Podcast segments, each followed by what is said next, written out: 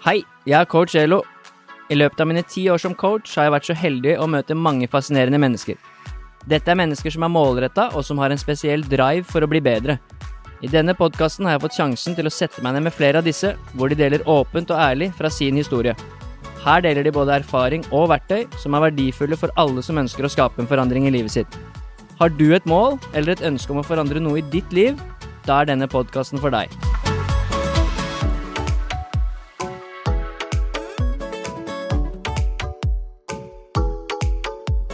Hei og velkommen til en ny episode av Coach Elo med gjester. I dag så har jeg med meg en uh, fotballspiller, eller i hvert fall en eks-fotballspiller. Han har akkurat gitt seg, men har uh, utallige år i, i norsk eliteserie. Han har spilt der i mange år. Det er vel nærmere 15 år eller noe sånt. Men vi skal gå gjennom det etterpå. Og vi var faktisk også uh, i samme klubb på samme tid. Men da var jeg juniorspiller, så vi spilte ikke så mye sammen. Vi har en del treninger sammen, da. Så jeg syns det er kult å ha han med. Han er en uh, reflektert kar som er uh, flink til å prate, så det vil sikkert legge merke til. Så velkommen til deg, Fredrik. Takk for det. Eller Kvelde. Kvelde, ja. Er veldig hyggelig å være her. Du har kommet helt til Lier. Uh, ja, og det er jo Det vekker jo også gamle minner. ja, for du har, du har, faktisk bodd i Lier? Jeg har det. Jeg bodde ned helt, helt i bånn der på, på jordet ute i Husebygata. det er faktisk på et jorde? Det er midt på et jorde. Så det var veldig lett å holde fokus på fotballen, i hvert fall når jeg bodde der. Ja, for der bodde du når du spilte i Godset, ikke sant? Stemmer. Ja, Vi skal prate litt om det etterpå, men du var jo i Godset ganske mange år, du. Nesten fem år i Godset. Ja, fire og en halv sesong. Ja. Ble norgesmester òg. Ja, det var kjempegøy. Vi, skal, vi kommer litt inn på det etterpå. Hvilke klubber du har vært i og sånn. Men du er jo fra eh, Grenland, eller fra Porsgrunn? Ja, det stemmer. Ja. Og jeg husker aldri om du og Linn bor i Porsgrunn eller i Skien. Men det er der nede. Ja, det er riktig. Vi bor i Skien. Bor i Skien. Eh, helt på grensa til Porsgrunn, faktisk. Det er sånn der. Det er ja. derfor jeg ikke husker det, fordi det er i nærheten. Mm. Så dere har kommet hit. Linn er ute og tar seg en løpetur nå. Uh, grunnen til at jeg nevner det, for at jeg kjenner jo Linn fra før. Det er jo en god venn av meg. Uh, og jeg husker jo helt tilbake til første gang dere møttes. Jeg husker til og med den første daten dere hadde. Uh, det var kult å tenke på. Det har blitt en del år siden. Ja da, det er ti år siden det nå. Så Ja da, det er gode minner, det. Og ja, hun er ute og løper i velkjent stil. Uh, glad i å trene og ja. da spesielt å løpe. Mm. Og dere har jo to barn sammen nå?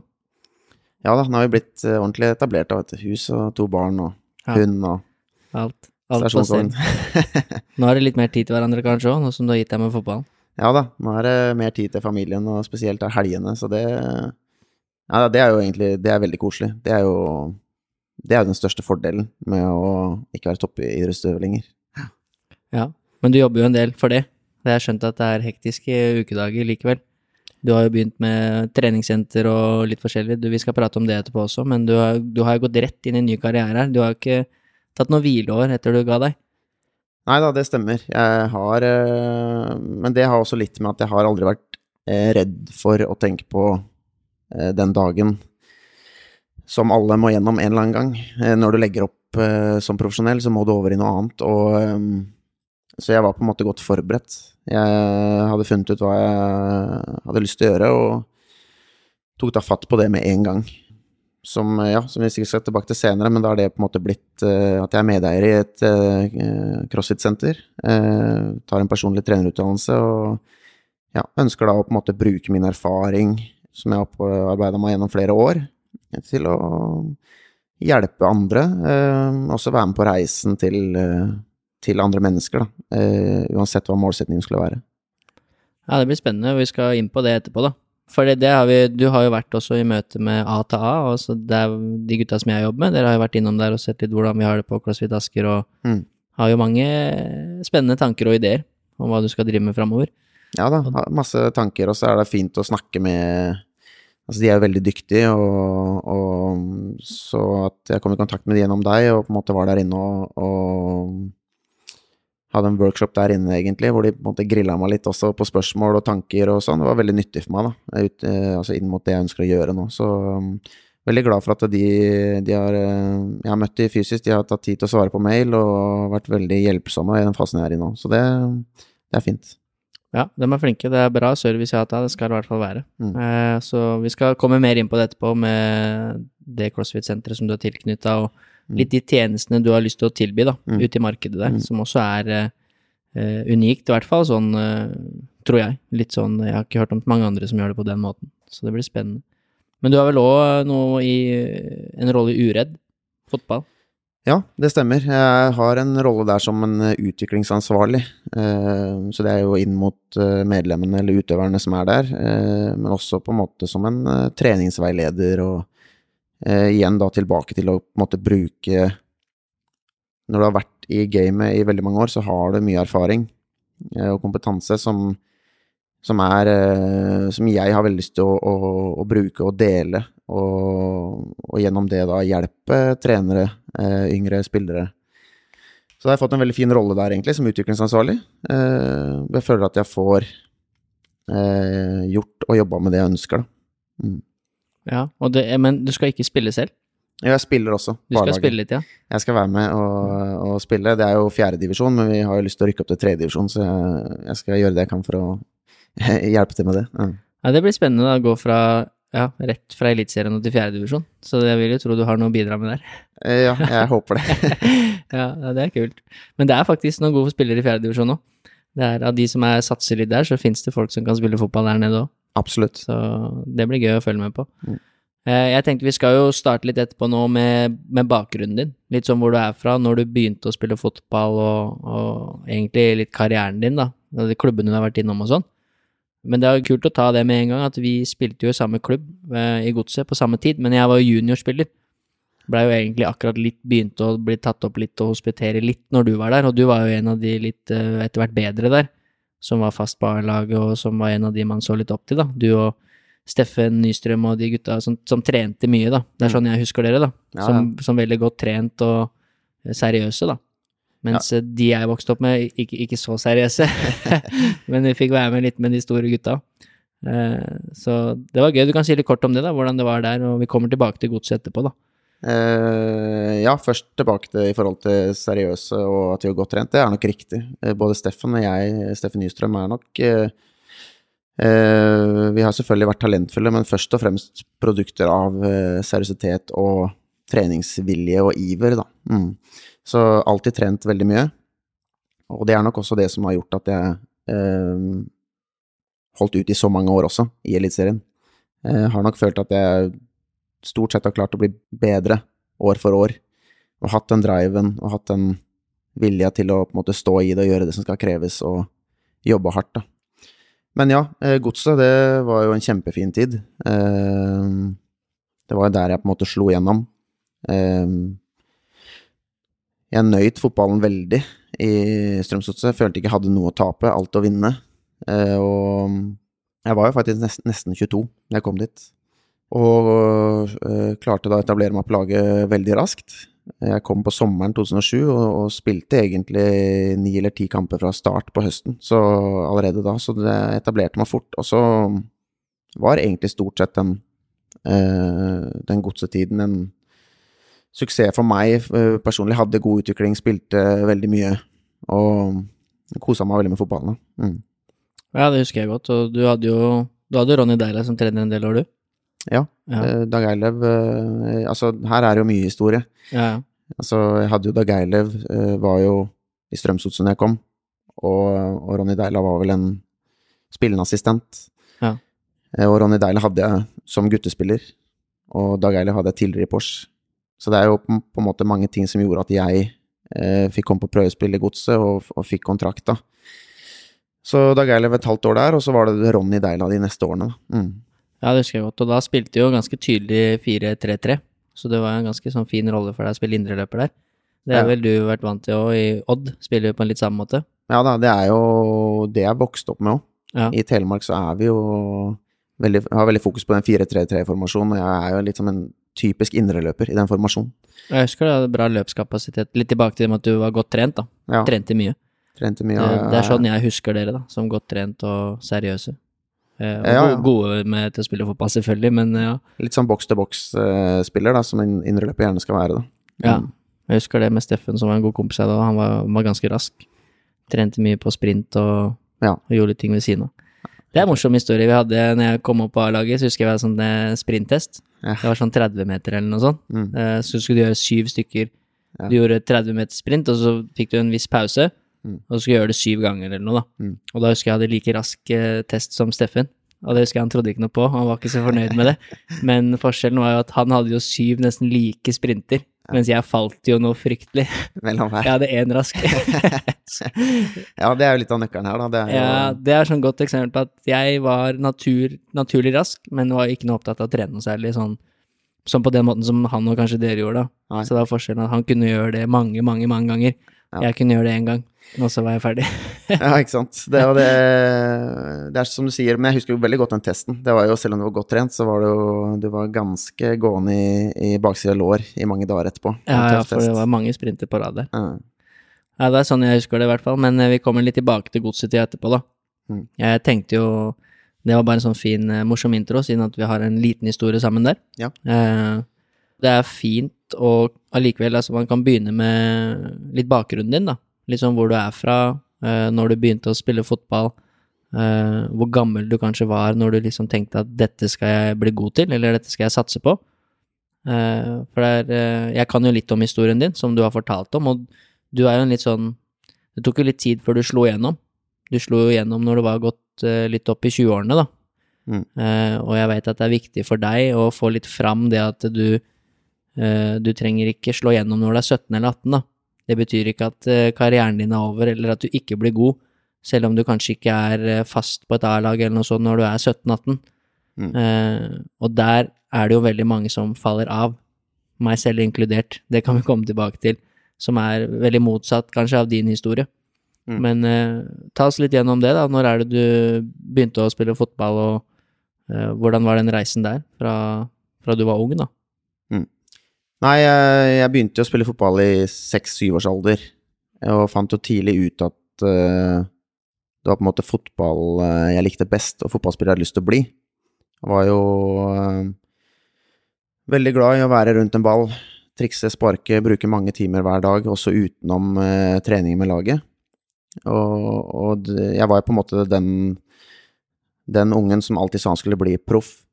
Um, og så går jo årene, og så begynner jo da etter hvert eh, sonelag, kretslag, landslag eh, og sånn. Og jeg, jeg var på sonelaget, eh, og jeg klarte også på en måte å komme med på kretslag en gang iblant. Men, eh, men der satt jeg egentlig bare benken. Stort sett kom kanskje litt innpå. Så jeg var Jeg var jo alltid god, men jeg var aldri best. Jeg var ikke stjerna, på en måte. Som sagt, jeg spilte nesten ingen minutter med kretslag. Jeg blei aldri tatt ut på noe U-landslag. Men jeg hadde driven da, til å på en måte eh, Ikke ha så mye fokus på det, men også trene mye, da. Og hadde et stort ønske om å bli profesjonell. Og så um, fikk jeg Så er det jo sånn at en utviklingskurve går jo liksom Perioder står du stille, og så tar du steg, og så Og sånn var det meg òg, men jeg tok store steg som guttespiller, da, og inn mot eh, de årene jeg skulle bli junior. Og da eh, tok jeg såpass eh, store steg at jeg eh, Da hadde jeg Ronny Deila, blant annet, som trener. Veldig dyktig trener. Da. Pedagogisk flink. Eh, lærte meg masse. Og han jo, hadde jo allerede den gangen Han var jo eliteseriespiller den gangen. Hadde jo veldig mye å komme med. I forhold til spørsmål, i forhold til hvordan du skal jobbe, hva som kreves. Veldig nyttig for meg, da. Så jeg husker også jeg hadde en eh, sekvens en gang hvor vi skulle stå og trikse, trikse til hverandre. To og to. Og jeg og en på laget sto og triksa, holdt ballen i lufta, syntes vi var kjempeflinke. Og venta på å få skryt, da. Og så kommer da eh, en som heter Hans Ole Berby, da, som er treneren min, så kommer bort og sier han sånn Da står jeg klar for å få skryt, for vi hadde jo triksa en del, og så sier han at eh, de som er på landslaget der, som er like gamle som dere, de kan stå sånn så lenge de vil. Eh, og det er sånn, da kan du på en måte velge. For meg så var det sånn Det ga meg også motivasjon, da. At eh, ok, liksom, da Da må jeg trene mer. Da skal jeg Så jeg ble ikke demotivert av det. Det er en kombinasjon av eh, Jeg hadde flinke trenere som rosa og veldig flinke, men også på en måte satt litt perspektiv når du trengte det, da. Fortalte ja, litt sånn hva som skulle til for å Ja, litt, litt hvor lista lå, da. Ja.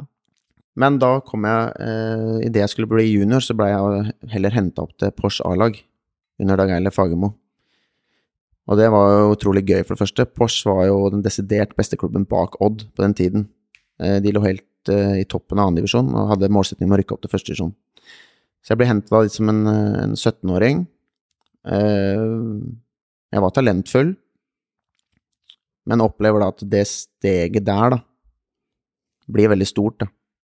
Fra å være på en måte en god, eh, god eh, ja, 16-åring til å på en måte komme opp på et A-lag hvor du møter eh, etablerte, gode A-lagsspillere. Jeg ble veldig godt tatt imot eh, og, og, har ikke noe å utsette på det, men det var et stort steg, da, så jeg opplevde i den perioden at utfordringene ble så store, da. Jeg gikk fra å være på en måte en av de bedre på trening til å bli ofte gjerne en av de svakeste. Uh, og, og, klarte ikke å ta de stega som kanskje folk rundt forventa, også som jeg selv håpa på og hadde forventninger til meg selv. Klarte ikke å ta steget inn på laget. Spilte stort sett bare B-kamper. Trente jo med A-laget selvfølgelig hver dag, jeg var en del av A-stallen. Men, uh, men, jeg klarte ikke uh, å ta steget. Men det som var styrken min, var jo at jeg ikke ga opp Altså, jeg fortsatte å trene like hardt selv om det ikke gikk min vei, da. Så jeg husker jo altså de åra der eh, Du reiser eh, Vi rykka opp til førstedivisjon. Konkurransen på laget ble enda tøffere.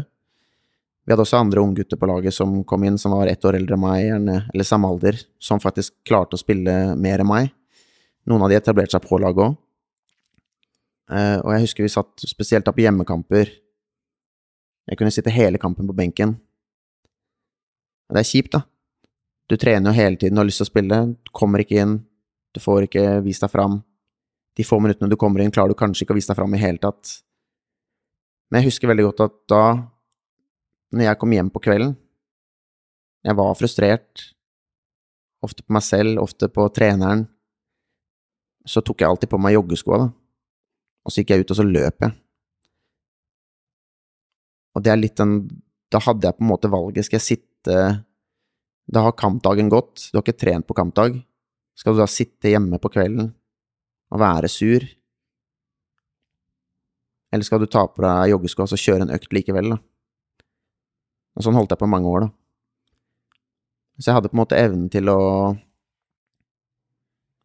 Til å ta ut frustrasjonen min, eller At jeg likevel Jeg likevel klarte å på en måte legge inn det som var nødvendig, da og ikke gi opp. Bare fortsette å på en måte ha et mål, da. Og jeg tror det er mange som kan kjenne seg igjen i, da. Mm. Akkurat det, med å selge den jobben jeg har nå, jeg jobber med spillere som uh, spiller i Eliteserien og Champions League i håndball og på det høyeste nivå. Alle legger jo ned like mye tid, eller altså alle er jo like mye på trening. Mm. Og så er det noen som spiller mye, og andre som spiller lite. Og man har jo perioder med spillere som nesten ikke spiller noen ting. Og jeg tror det er mange som kan kjenne seg igjen i den følelsen du beskriver der, av å sitte på benken en hel kamp, uh, føle at liksom all den jobben du legger ned, er det liksom er ikke verdt noe, da. Eller sånn, jeg får ikke spille uansett. Og der er det, det er som du sier, akkurat der er det mange som enten så går de ut og jogger, tar seg en løpetur sånn som du gjør, da, kjører intervaller eller hva det måtte være. Eller så er det mer sånn treneren er idiot, og dette gidder jeg ikke, og så sitter du og syns synd på deg sjøl isteden, da. Mm. Det blir jo ikke noe bedre av det. Men jeg tror det er veldig lett å havne der, og jeg tror det er der, når det skjer når du er 17-18, at det er mange som faller av, da. Eh, det gjorde jo ikke du. Men kan du huske hvorfor, eller hvordan klarte du det, liksom, å ha det mindsettet om at jeg skal ikke gi meg for det, jeg skal fortsette? Var det på grunn av folk rundt deg, eller var det bare for at du hadde så stort ønske om å bli god til å spille fotball, eller? Nei, det var først og fremst mitt ønske om å på en måte nå, nå det målet om å bli profesjonell, da. Jeg hadde, lyst, jeg hadde kjempelyst til å bli Å kunne leve av fotballen. Og så hadde jeg selvfølgelig masse støtte eh, rundt meg. Men det var først og fremst på en måte egen innsats og vilje, da. Men det er som du sier, da er vi litt tilbake på det at når du, når du driver med toppidrett, da, så havner du i så mange situasjoner da, hvor du kan bli skada, du føler du ikke tar steg, du føler treneren ikke ser deg, du føler deg urettferdig behandla, du blir ikke brukt i en posisjon du ønsker å spille. Og da har du så mange muligheter til å legge inn unnskyldninger for deg selv, da. Så jeg var nok flink til å ikke gjøre det, da. Jeg var nok flink til å på en måte se lengre frem. Og så er det sånn at eh, En dag får du jo sjansen, det blir din sjanse til å spille. Det kan være pga. en skade eller karantene, eller fordi du har blitt Du har tatt noen steg på trening som gjør at du får starte, da. Men da må du også prestere.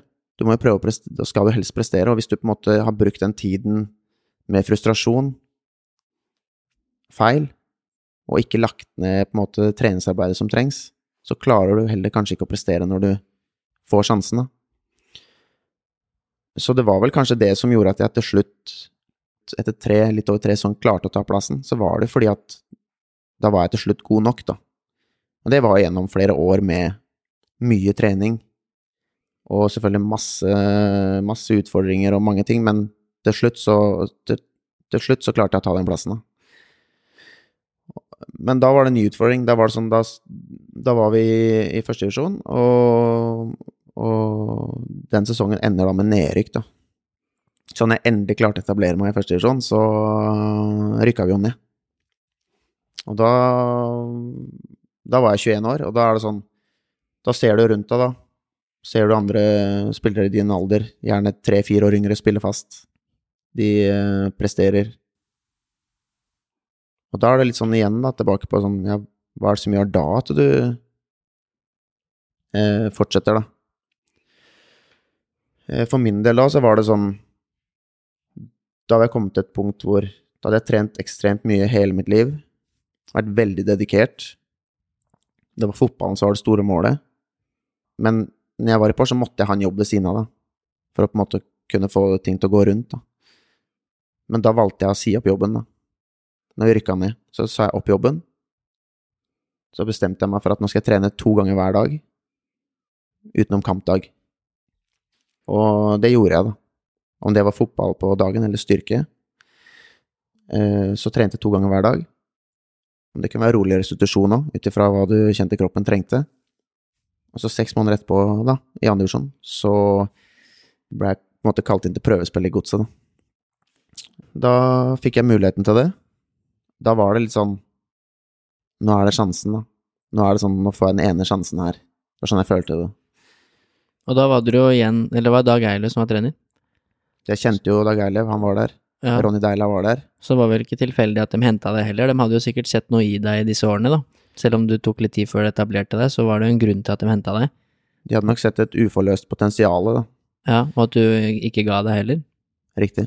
Mm. At jeg hadde bygd en del fysikk da, i de årene. Det var sånn at selv om jeg jobba fast i Porsche eh, ved siden av, så var det sånn jeg var på jobb fra sju til tre, halv fire. Dro rett på trening med Porsche. Og tre dager i uka da, så dro jeg rett på leksia etter Porsche-trening, da. For å trene styrke. Hvis ikke så fikk jeg ikke trent styrke. Så det var, det var hektiske år, da. Selv de årene jeg satt benk. Altså da jeg la ned ekstreme mengder med trening, da. Men jeg bygde jo fysikk. Så selv om jeg ikke følte at jeg tok kanskje de største fotballstegene, så bygde jeg likevel en fysikk, da. Som, eh, som, som viste seg å være effektiv og nyttig etter hvert, da. Men ja, da, jeg, da, jeg- da fikk jeg beskjed om at de ville se meg på prøvespill.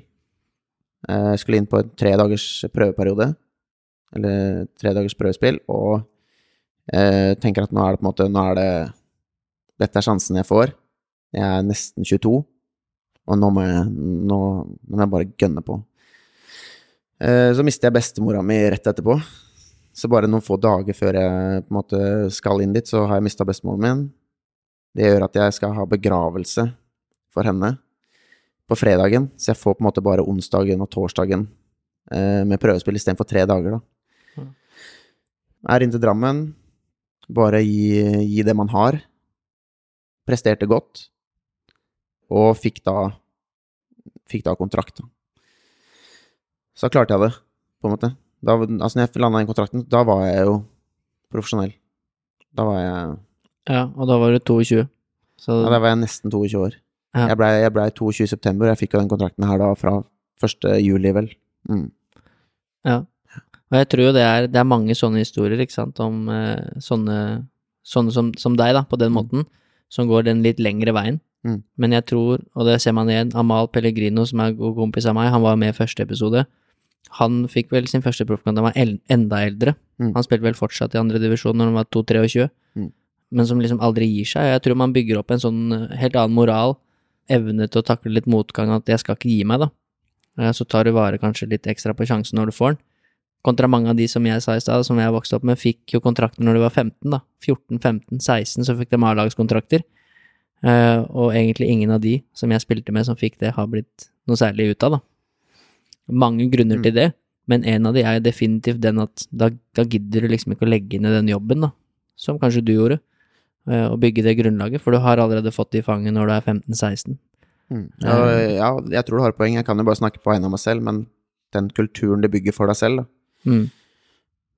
den tar du med deg inn i proffkarrieren. Så det var ikke sånn at når jeg endelig lyktes og jeg nå målet mitt, så var det ikke sånn at jeg på en måte hvilte etter det. Nei. Da fortsetter du på en måte med å holde den samme standarden for deg selv. Du trener, er dedikert, du trener også mye på egen hånd, da. Så det er på en måte noe jeg har tatt med meg hele karrieren. Det kan jo også være at ved å gå den litt lengre veien rundt, da, at du kanskje i større grad faktisk setter veldig pris på det, da, når du får det til. Ja, og det er, jo, det er jo mange veier, ikke sant. Det er jo mange forskjellige historier. Og Mm. folk blir jo gode på forskjellige måter og slår igjennom i forskjellige aldre. Mm. Men eh, det er i hvert fall utvilsomt uh, viktig å huske på at du trenger ikke å slå igjennom når du er 17 eller 18. At det er ikke verdens undergang om du da ikke er på det nivået eller der du ønsker å være. Uh, for det er mange ting som kan skje der, da, fra du er 16 til 20, 21, 22. Som, men det er mange som gir seg i den alderen der. Det ser man jo. Det er mange som ikke takler det og ja, ikke allerede har fått det til da. Ja da, det er eh, Det er så vanvittig mange ting som spiller inn, da. Altså helt til hvor er du i puberteten din, på en måte. Hvor fysisk er du? Og, og på en måte hvilke steg du tar. Noen, som sier, tar mange steg tidlig, for så å stå stille en periode. Andre tar gradvis steg, og noen tar større steg. Altså, jeg tok mine største steg fra jeg var 21, og var på mitt beste, vil jeg si, en alder av 32. Så det der er, det er jo som du sier, det er jo ikke en fast vei. Det er ikke sånn at du må på en måte Det er ikke sånn at du må huke av på disse punktene hele veien for at du skal bli god. Det er ikke noe fasit på det. Så jeg tror det er veldig viktig å Har du et mål og en drøm, da, så skal du på en måte tørre å stå ved det en stund, da. Mm. Ja, du skal det, og det er det jeg syns er fascinerende med din historie der, for at det er tre år hvor du sitter på benken, Mm. og tre år hvor du ikke føler at du tar steg, da. Men du fortsetter likevel å trene to ganger om dagen. Du sier til og med opp jobben din for å trene enda mer, Mm. hvor de fleste kanskje hadde heller gått andre vei, at jeg gidder ikke dette fotballgreiene, jeg jobber heller litt mer. Og det er det jeg prøver liksom jeg, som, Hvordan havna du der? Det er det som er interessant. Hva er det som gjør at du ikke gir deg, da? Det er jo det som er interessant med sånne som deg, da. Som ikke kaster inn håndkle. Fordi man ser jo mest av det. At folk ikke gidder. Ja. Det er et godt spørsmål, da. Hvorfor er jeg skrudd sammen på den måten? Det er på en måte um, at jeg nesten alltid har likt å være litt sånn underdog òg. Hvis jeg blir skada, blir avskrevet, vi skal møte en mye bedre motstander, så finner jeg alltid en ekstra motivasjon, da. Og det har nok ligget i meg helt fra jeg var ung, da. At jeg på en måte bare har Du må jo ha en indre drive her. Du må jo være villig til å, å ha blodsmak i munnen, og du må være villig til å liksom virkelig jobbe for Én ting er å si hva du ønsker, men du må også på en måte være villig til å legge ned det arbeidet som kreves, da. Eh, Så det har nok bare ligget i meg fra jeg var ung, og hvorfor det ligger i meg, det har jeg ikke noe godt svar på. Men eh, jeg har jo hatt masse skader i løpet av karrieren. Jeg har hatt perioder hvor jeg sitter benk, sånn som, ja, tilbake til Porsche, altså du reiser land og, lands, eh, land og strand rundt. Eh, du sitter bare benk og i buss, og får ikke spille. Veldig lite, da. Eh, husker Tromsdalen borte et år, liksom, første sesjon. Da ble jeg satt inn Altså, jeg ble satt inn eh, når keeperen har fem meter, og så blåser dommeren av når han eh, tar sparket. Da er, jeg oppe i liksom langt oppe i gokk, brukt hele helga og få på en måte ti, altså tre sekunder på banen. Så da er det jo lett som du sier, da. Skal man da Skal man da på en måte bare gi opp, drite i det her? Det her gidder jeg ikke mer. Jeg tror i hvert fall det er det som ofte skiller de som klarer Mm. å slå gjennom, da. Mm. eh, Og de som ikke gjør det. Mm. Og så er det alltid vanskelig å sette fingeren på hvorfor er det sånn. Mm. Men ofte er det jo et eller annet med oppvekst eller bakgrunn eller et eller annet, da. Mm. Amal sin historie er det samme. Han er på sitt beste nå, og nå er han 30. Eh, og har liksom gått den lange veien, og det er sånn Hva er grunnen til at du aldri ga deg, ikke sant? Noen har lyst til å motbevise, andre har bare en indre drive og ønske om å bli skikkelig god, og det er, det er så mange, da. Og viktige trenere og figurer rundt som har trua på deg, da, som ikke gir deg opp, liksom. Eh, men det det er jo det er interessant, eh, fordi det, jeg ser så mange i den jobben jeg har, som, som er 17-18 og har veldig dårlig tid, eh, og som, ja, tror at det, hvis ikke jeg blir god nå eller i morgen, så blir det ikke noe av. Så det er spennende i mitt yrke å få mer innsikt i folk som har gått den litt lengre veien, da.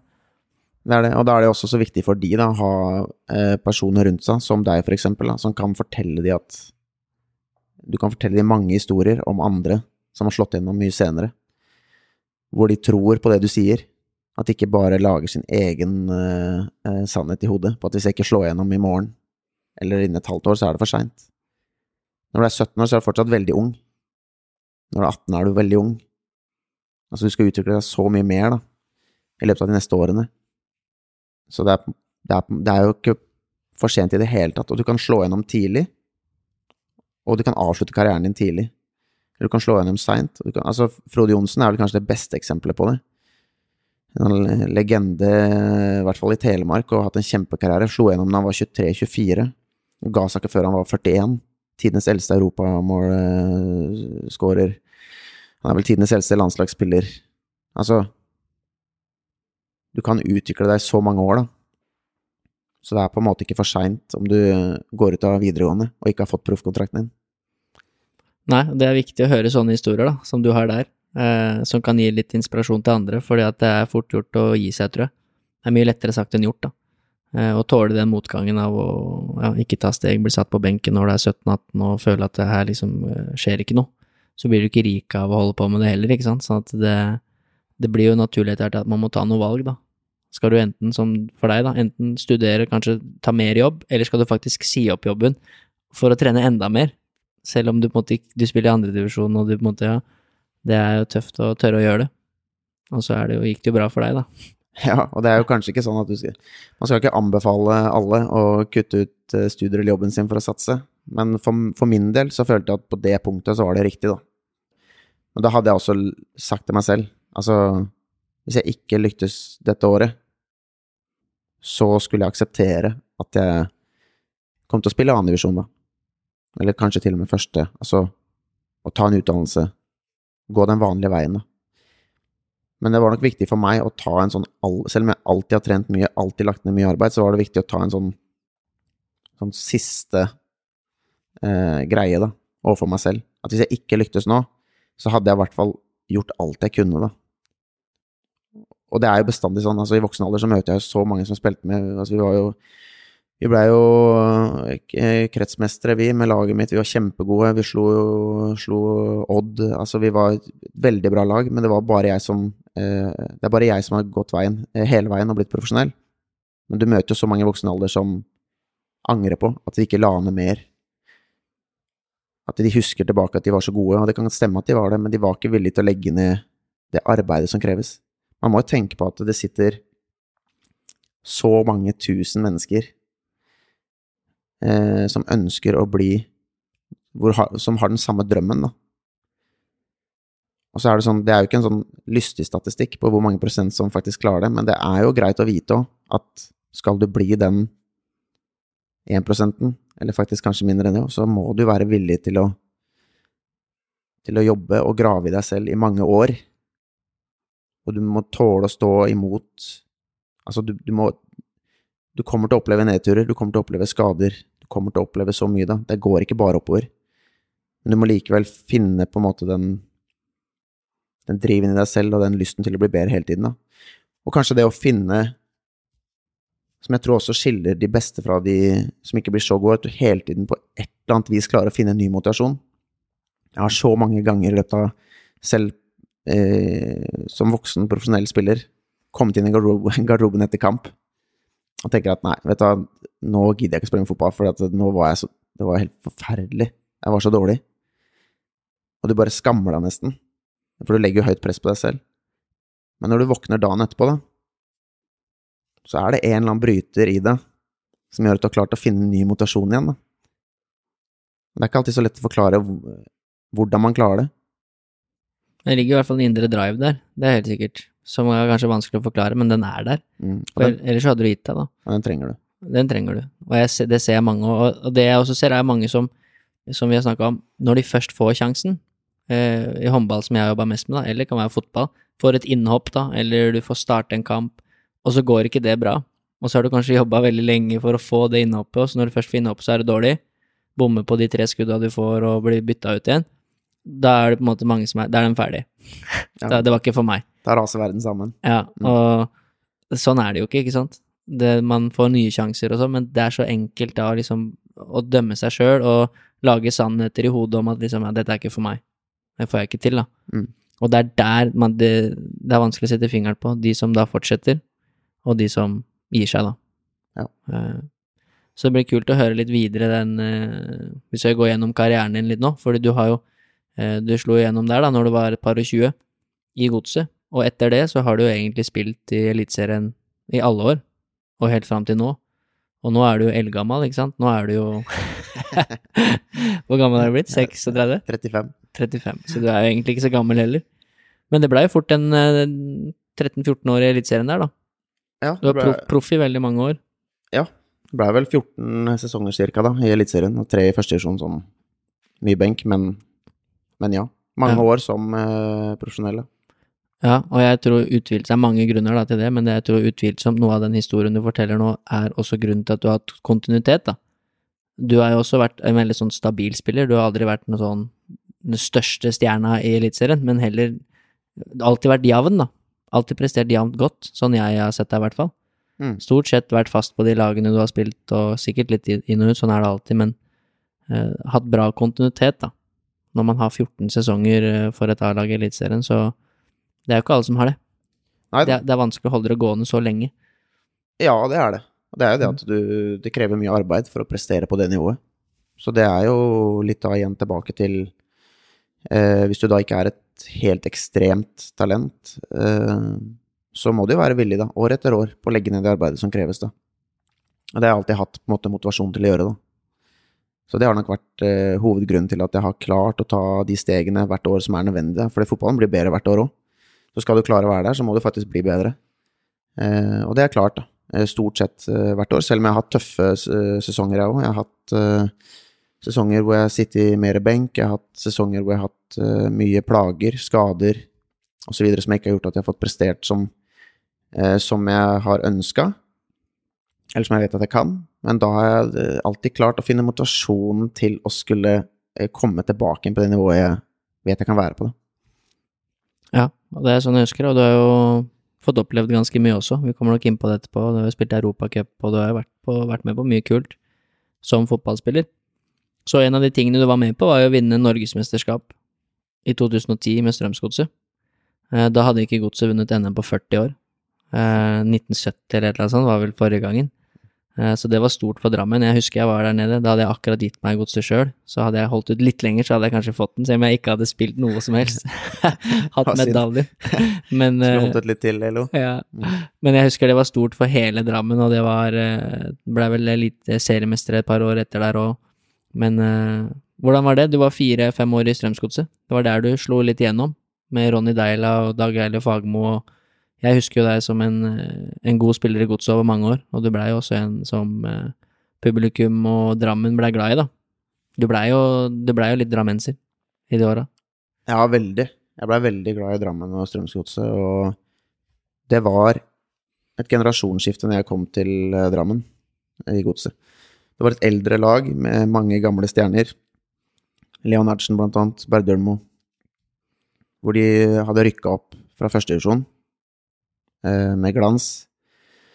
Så var det over til Eliteserien, og det ble tøffere år, da. Men det som, den perioden jeg var eh, Men vi overlevde, og jeg kom jo inn da som 21-åring og var, var vel den yngste på banen. Eh, så det Mens når jeg, når jeg dro fra godset, så var jeg jo nesten den eldste. Så det var et generasjonsskifte som skjedde her. Og i de årene så tok klubben mange steg, da. Så det NM-gullet vi tok i 2010, det var på en måte første steg mot flere år hvor godset presterte helt i toppen, da. Eh, For det første så var det jo fantastisk gøy. Jeg husker jo veldig godt eh, selvfølgelig kampen, inn mot kampen, etter kampen, ikke minst. Eh, hvor Vi satt jo i garderoba før kampen. Det er jo det er ganske stort, da. Spille NM-finale. Det er jo sånn Det er ikke alle som får oppleve det. Og du har veldig lyst til å vinne da. Og du er spent. Du har gjerne sovet litt dårlig. Eh, mange tanker. Eh, og vanligvis da så vil du kanskje ha et kampmøte med en trener som forteller veldig eh, i, det, altså i detalj hva som er veldig viktig og ikke, da. Ikke mist ballen her. Motstanderen er veldig god på det der. Pass på det her. Som nesten bare legger mange bekymringer over deg, da. I forhold til at du blir så redd for å prestere, da. Så vi satt jo i garderoba, og, og ja, alltid litt musikk, og, men det var på en måte en eh, Du kunne merke at folk Det var litt press, da.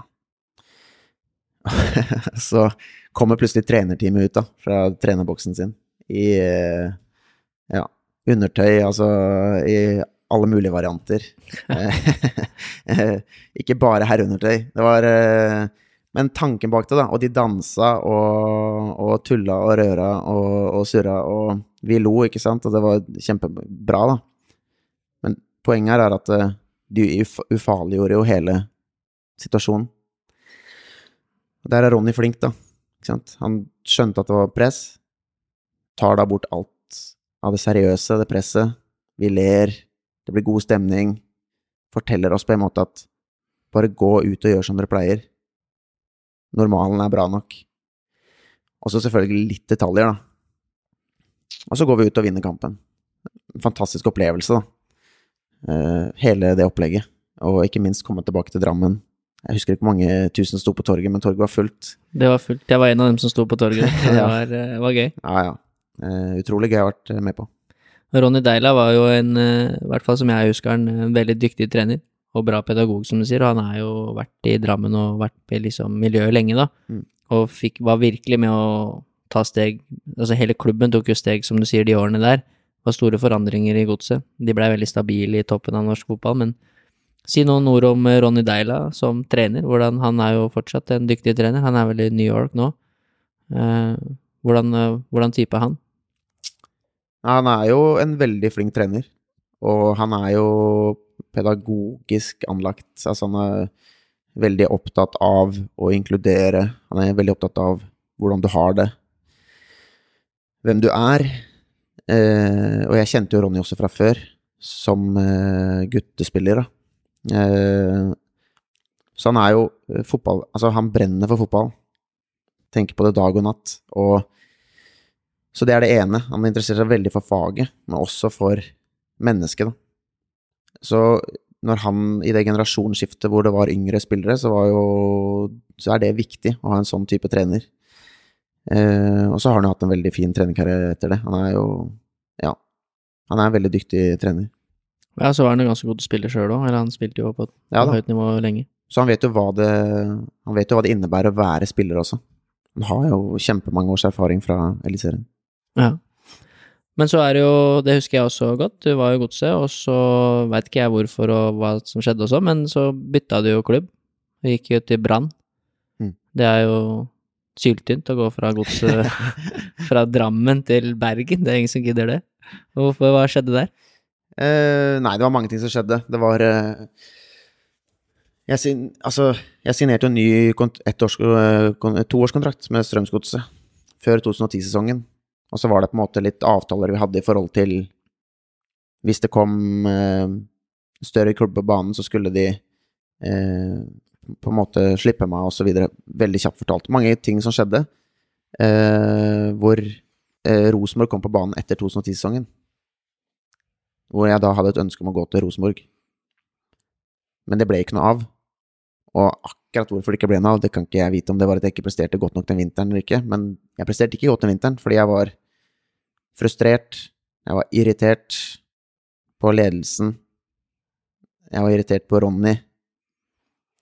Jeg helt, jeg mista fokus. Jeg presterte ikke på trening. Sov dårlig om nettene. Altså, alt det som, eh, som på en måte fulgte med, da, i og med at den At jeg ikke havna i Rosenborg, da. Det var en prosess hvor personlige betingelser var ferdig forhandla, osv., men det ble ikke noe av, da. Og når jeg ser tilbake på det, så var det veldig mye min egen feil også. Altså, du kan ha avtaler, og du kan med klubben din, eh, og mye av det er muntlig, men når det først ble som det ble, da, og jeg brukte så mye av min energi på ting jeg ikke kunne gjøre noe med, så gikk det bare ut over meg selv. Jeg presterte så mye dårligere at jeg var ikke da i nærheten til Altså, jeg, jeg, jeg ville jo bare tro at hvis jeg hadde prestert i treningskampene den vinteren, og Rosenborg fulgte med, så ville de jo bare henta meg likevel. Når de ser at jeg ikke presterer, kamp etter kamp, ja, da vil de jo ikke hente meg heller, da. Så da, liksom, da, er vi litt tilbake på eh, også på en måte hva som er viktig når du er utøver, at du må holde fokus da. der du er. Hva kan du gjøre noe med? Ikke bruke masse tid og energi på, på ting som er utenfor din kontroll. Da. Eh, så det blei masse mellom ledelsen og meg. Dårlig stemning. Det ble ikke noe Rosenborg, og eh, flere ting skjedde. Jeg spilte mindre det året, presterte ikke spesielt godt. På sommeren så signerte jeg for Brann. Og da var det mange ting som skjedde i kulissene her og sånn, men jeg signerte for Brann på sommeren. Og det er jo litt sånn krevende å signere for en ny klubb midt i en sesong også. Det er ikke så veldig populært, for det første, blant supportere, og, og Så det var sånn Det var en litt vanskelig greie. Begynte da å trene veldig hardt allerede fra sommeren av. Fordi da hadde jeg på en måte allerede tenkt at når jeg kommer til Brann neste år, så skal jeg være på en måte den beste versjonen av meg selv. Så da var fokuset riktig igjen. Da hadde jeg brukt et halvt år på å ha dårlig fokus, og så nå var fokuset riktig igjen. Trente godt, var nøye med ting jeg gjorde, og spilte da mye for godset den høsten, fordi da var jeg jo bedre igjen. Og så dro jeg til Brann. Sånn sett i ettertid så kan, jo, kan man lure på om det var et bra valg eller ikke. Det var i hvert fall en periode jeg lærte veldig mye av. Jeg kom da til Brann, som i utgangspunktet er en større klubb i norsk sammenheng. Det var forventninger Det skjønner jeg ikke noe. Kanskje ikke nå lenger, men dem er, dem er det. Nei da, men det var, det var, i hvert fall mange ting som gjorde at jeg dro, da. Og så da, i den oppkjøringa den vinteren der, så så spilte jeg meg egentlig helt ut av Brannlaget. Eh, fordi jeg trente altfor mye. Jeg var på en måte altfor dedikert. Så det halvåret jeg begynte å trene eh, før jeg dro Når jeg plussa det da sammen med vanlige treninger i godset, kamper Tok man ikke fri i desember. Kjørte på. Trente utenom de faste treningene med Brann. Så gikk jeg inn i overtrening. Jeg visste, ikke, jeg, jeg visste ikke hva overtrening var. Jeg trodde jeg var i dårlig form. Og ikke snakka jeg med så mange om det heller. Så jeg på en måte bare fortsatte i mitt spor, da. Til det kom til det punktet hvor det var så ille da, at jeg bare to minutter ut i treningsøktene hadde lyst til å sette meg ned. Da. Kroppen fungerte ikke i det hele tatt. Så jeg ødela jo for meg selv i Brann. Altså, det var ikke sånn at jeg hadde et helt mislykka opphold. Jeg spilte vel ca. 50% av kampene fra start. Men jeg ødela for meg selv i starten, da. Eh, ved å ikke ha kunnskapen, eller eh, ikke være åpen nok, kanskje, og heller ikke ha personer rundt meg som kunne hjelpe meg. Men det er også vanskelig for en fysisk trener eller trener i en klubb å vite hva spilleren gjør på, på siden av fotballtreningene. Så en erfaring rikere ble jeg i hvert fall. Jeg vet nå hva overtrening er, og hva det kan uh, føre til, og ikke minst hvordan man blir det.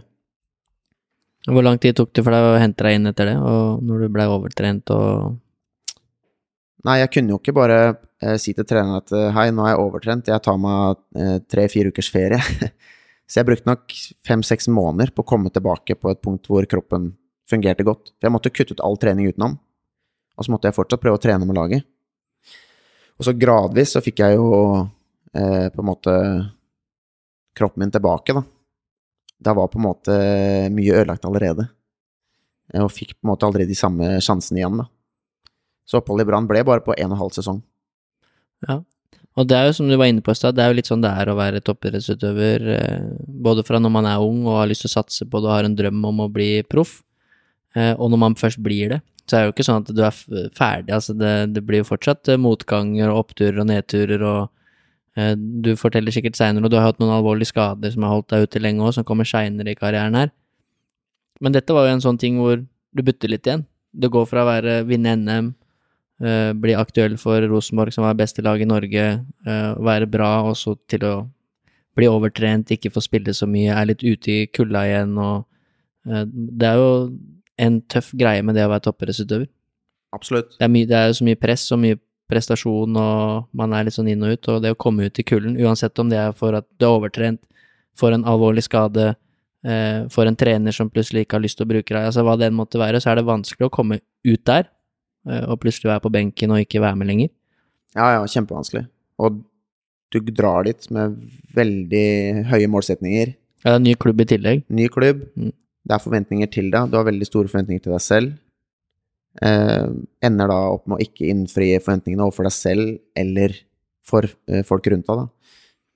Du begynner også å bli veldig usikker på deg selv. Da. Selvtilliten forsvinner jo. Du klarer ikke å prestere lenger. Du begynner å tenke at du er dårlig. Altså, det er så mange ting som spiller inn. Og så var det faktisk da litt tilbake igjen, da. Når jeg, når jeg da begynte å komme ordentlig i form igjen, men ikke fikk spille så mye, så var jeg jo litt sånn Da var det på en måte litt over til at jeg følte det var litt urettferdig. Nå er jeg jo god igjen. Treneren bruker meg ikke riktig. Det er fort gjort å begynne å skylde på noen andre, liksom. Han ser meg ikke, Ja. og så videre. Det er litt tilbake i det sporet igjen, da. Og, Og der er det mange idrettsutøvere som havner, og jeg har jobba med Mm. mange som har havna der òg. At, Ja. at man skylder på alle andre rundt, da. Ja, det vil jeg tro også du som fysisk trener. Da. Mange ganger så kommer spilleren til deg og sikkert tar ut frustrasjonen sin på deg. Ja, Definitivt. Ikke sant? Og, og Og man prøver jo Det er jo fordi at man bryr seg, og det er jo fordi at man har så lyst til å prestere, og man prøver å finne svar. Mm. Uh, og for noen er det at treneren er dust og sånn, og for andre er det at jeg er ikke godt nok trent, og så plutselig, som, som deg, da, skal begynne å trene jævla mye fordi at de tenker at det må være svaret. Og det er jo bare fordi at man leiter etter svar, for å komme tilbake i riktig spor. Mm. Eh, og det er jo ikke noe fasit på hvordan, men det er mange som dere opplever de samme tankene som du beskriver her, da. Ja, ja, du har så ekstremt lyst, da, til å komme tilbake. Og så er det jo, om det er håndball eller fotball eller hva du driver med, så er det jo det, er det som betyr noe, da. Det er det å være ute på den banen og spille kamper. Og man har så lyst til det, da. Og da når man ikke uh, får lov til å gjøre det, på en måte, at andre holder jo deg tilbake fra å gjøre det. Det din, det ikke, du får ikke bestemme det selv. Eh, så er det veldig fort, som du sier, å miste fokus og ta fokus over på, ja, kall det negativ energi, da. Du bare skylder på andre, eh, føler deg urettferdig behandla, osv. Du, går- du går kanskje og snakker og, med lagkamerater og er frustrert, men de har jo på en måte sine egne ting å forholde seg til. Og det var også det jeg lærte, da. Da var jeg jo sikkert blitt 27-28, og så hadde jeg eh, hatt eh, Altså, jeg har hatt veldig mye riktig fokus i min karriere, men jeg har også hatt perioder hvor jeg mister det, da. Og da hadde jeg mista det to ganger. Og da var det såpass lærerikt, da, at når jeg da etter hvert kom til Odd, og hadde også masse motgang eh, i Odd i form av skader og, og, og andre ting, så mista jeg ikke lenger fokus, da. Jeg fokuserte bare på meg selv og hva jeg selv kan gjøre med situasjonen, da. Og det skulle jeg ønske at jeg lærte ti år tidligere, ikke sant? Ja. Så det er en sånn erfaring som er så fin. Altså som nå, da, jeg, som vi snakka om innledningsvis, at jeg på en måte ønsker å jobbe med mennesker, om det er utøvere eller vanlige personer, at jeg kan få de til å forstå i en mye yngre alder enn meg selv hva de må fokusere på, hva som er viktig. Så slipper de å bruke veldig mye tid av sin karriere, da, forhåpentligvis, en karriere, eh, på ting de ikke kan gjøre noe med.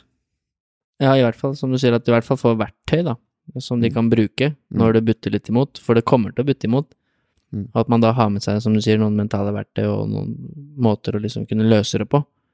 Eh, samtidig som jeg tror også at folk kan alltid fortelle deg også hvordan det er å gå gjennom motgang, men man må jo erfare det litt òg, sånn som du gjorde i Brann. Man må få noen på trynet også for å liksom også ja, faktisk erfare det, det er jo det livet er, du må jo lære på veien. Du kan ikke lære alt heller før du har gått gjennom det, liksom. Nei, det er noe med det. Og det er noe med at øh, hvis du da, sånn som jeg som da har hatt flere år som profesjonell, jeg snakker med noen om problemstillinger som de står i, eller de åpner seg for meg, så er det kanskje lettere for meg å relatere til problemstillingen, og det er på en måte lettere for de også å tro på det, da. Eh, det er derfor jeg også tror at jeg har på en måte en litt stor påvirkningskraft da, mot yngre utøvere som ønsker å bli gode. Da.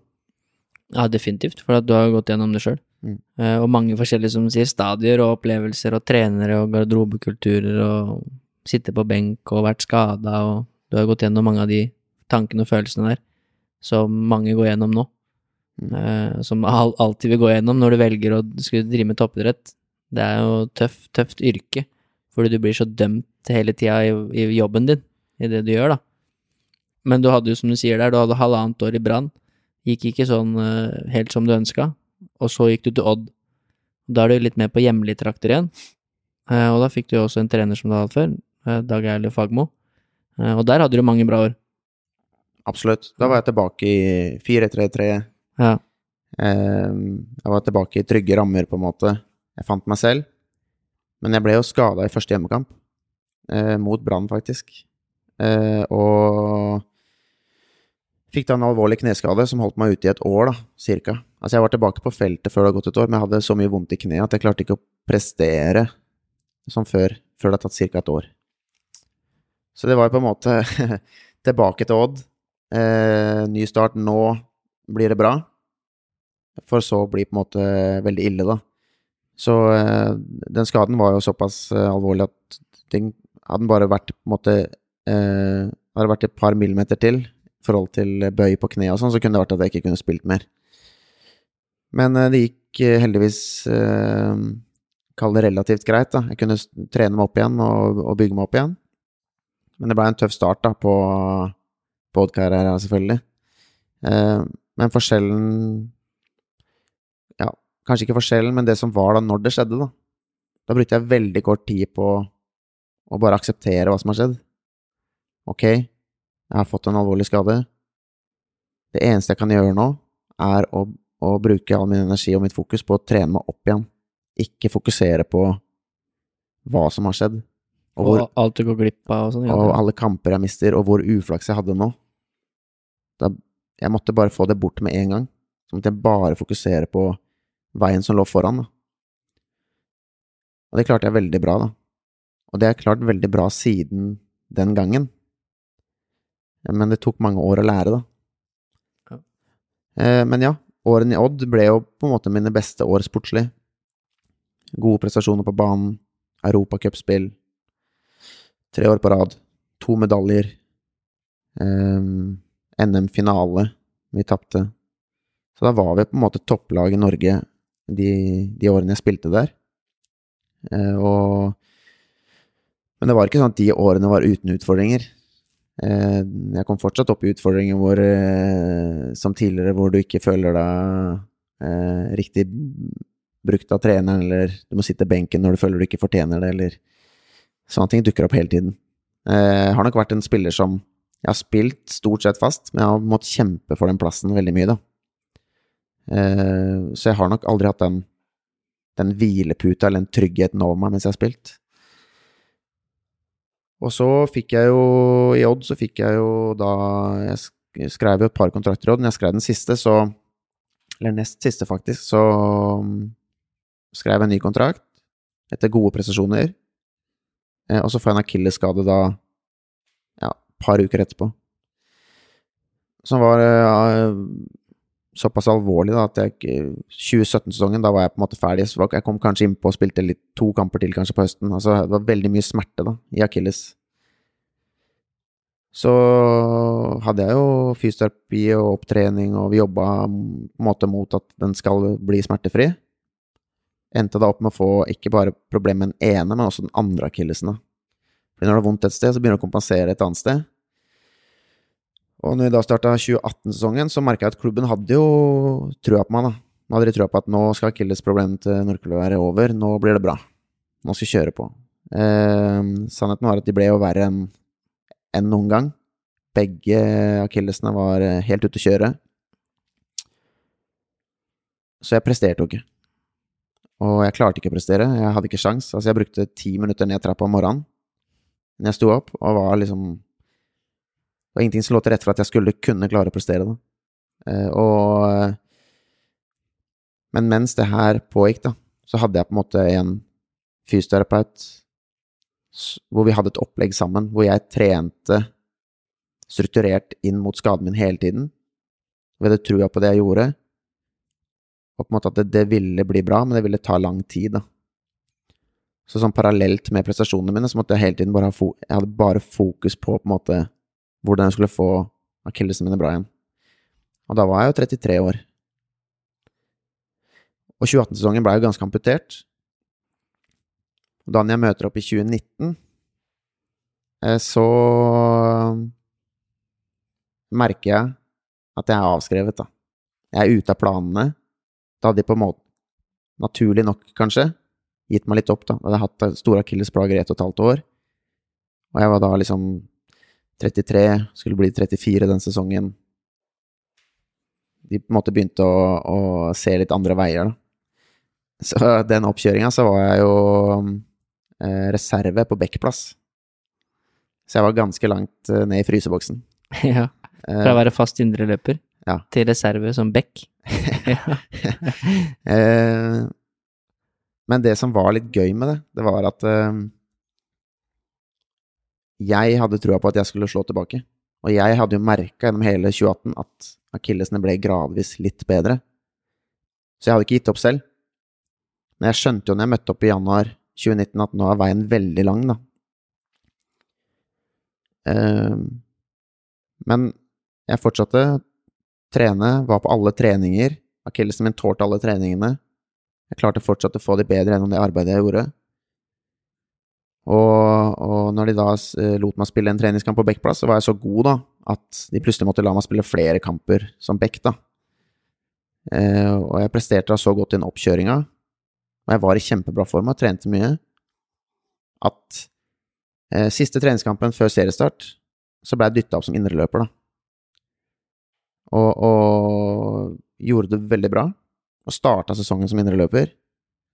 Slo tilbake, hadde en kjempesesong, fem skåringer. Vi kjempa medalje hele veien, det røyk helt på, på slutten. Så jeg på en måte klarte å slå tilbake, da. Eh, så det var på en måte en sånn seier for meg selv, da. Litt tilbake til den Litt den der å være den underdoggen. Ja, du beskriver litt det du sa i stad, at du, du liker jo litt å være underdog og er kanskje motbevise folk at Ja. jeg er ikke ferdig, da. Jeg hadde lyst til å Og du har fulgt deg hele veien her. Ja, jeg hadde lyst til å på en måte si selv når jeg var ferdig, da. Eh, og tegna da et, eh, en ny kontrakt etter den sesongen igjen. En ny ettårskontrakt. Da. Eh, som da ble 2020, som ble min siste sesong, da. Mm.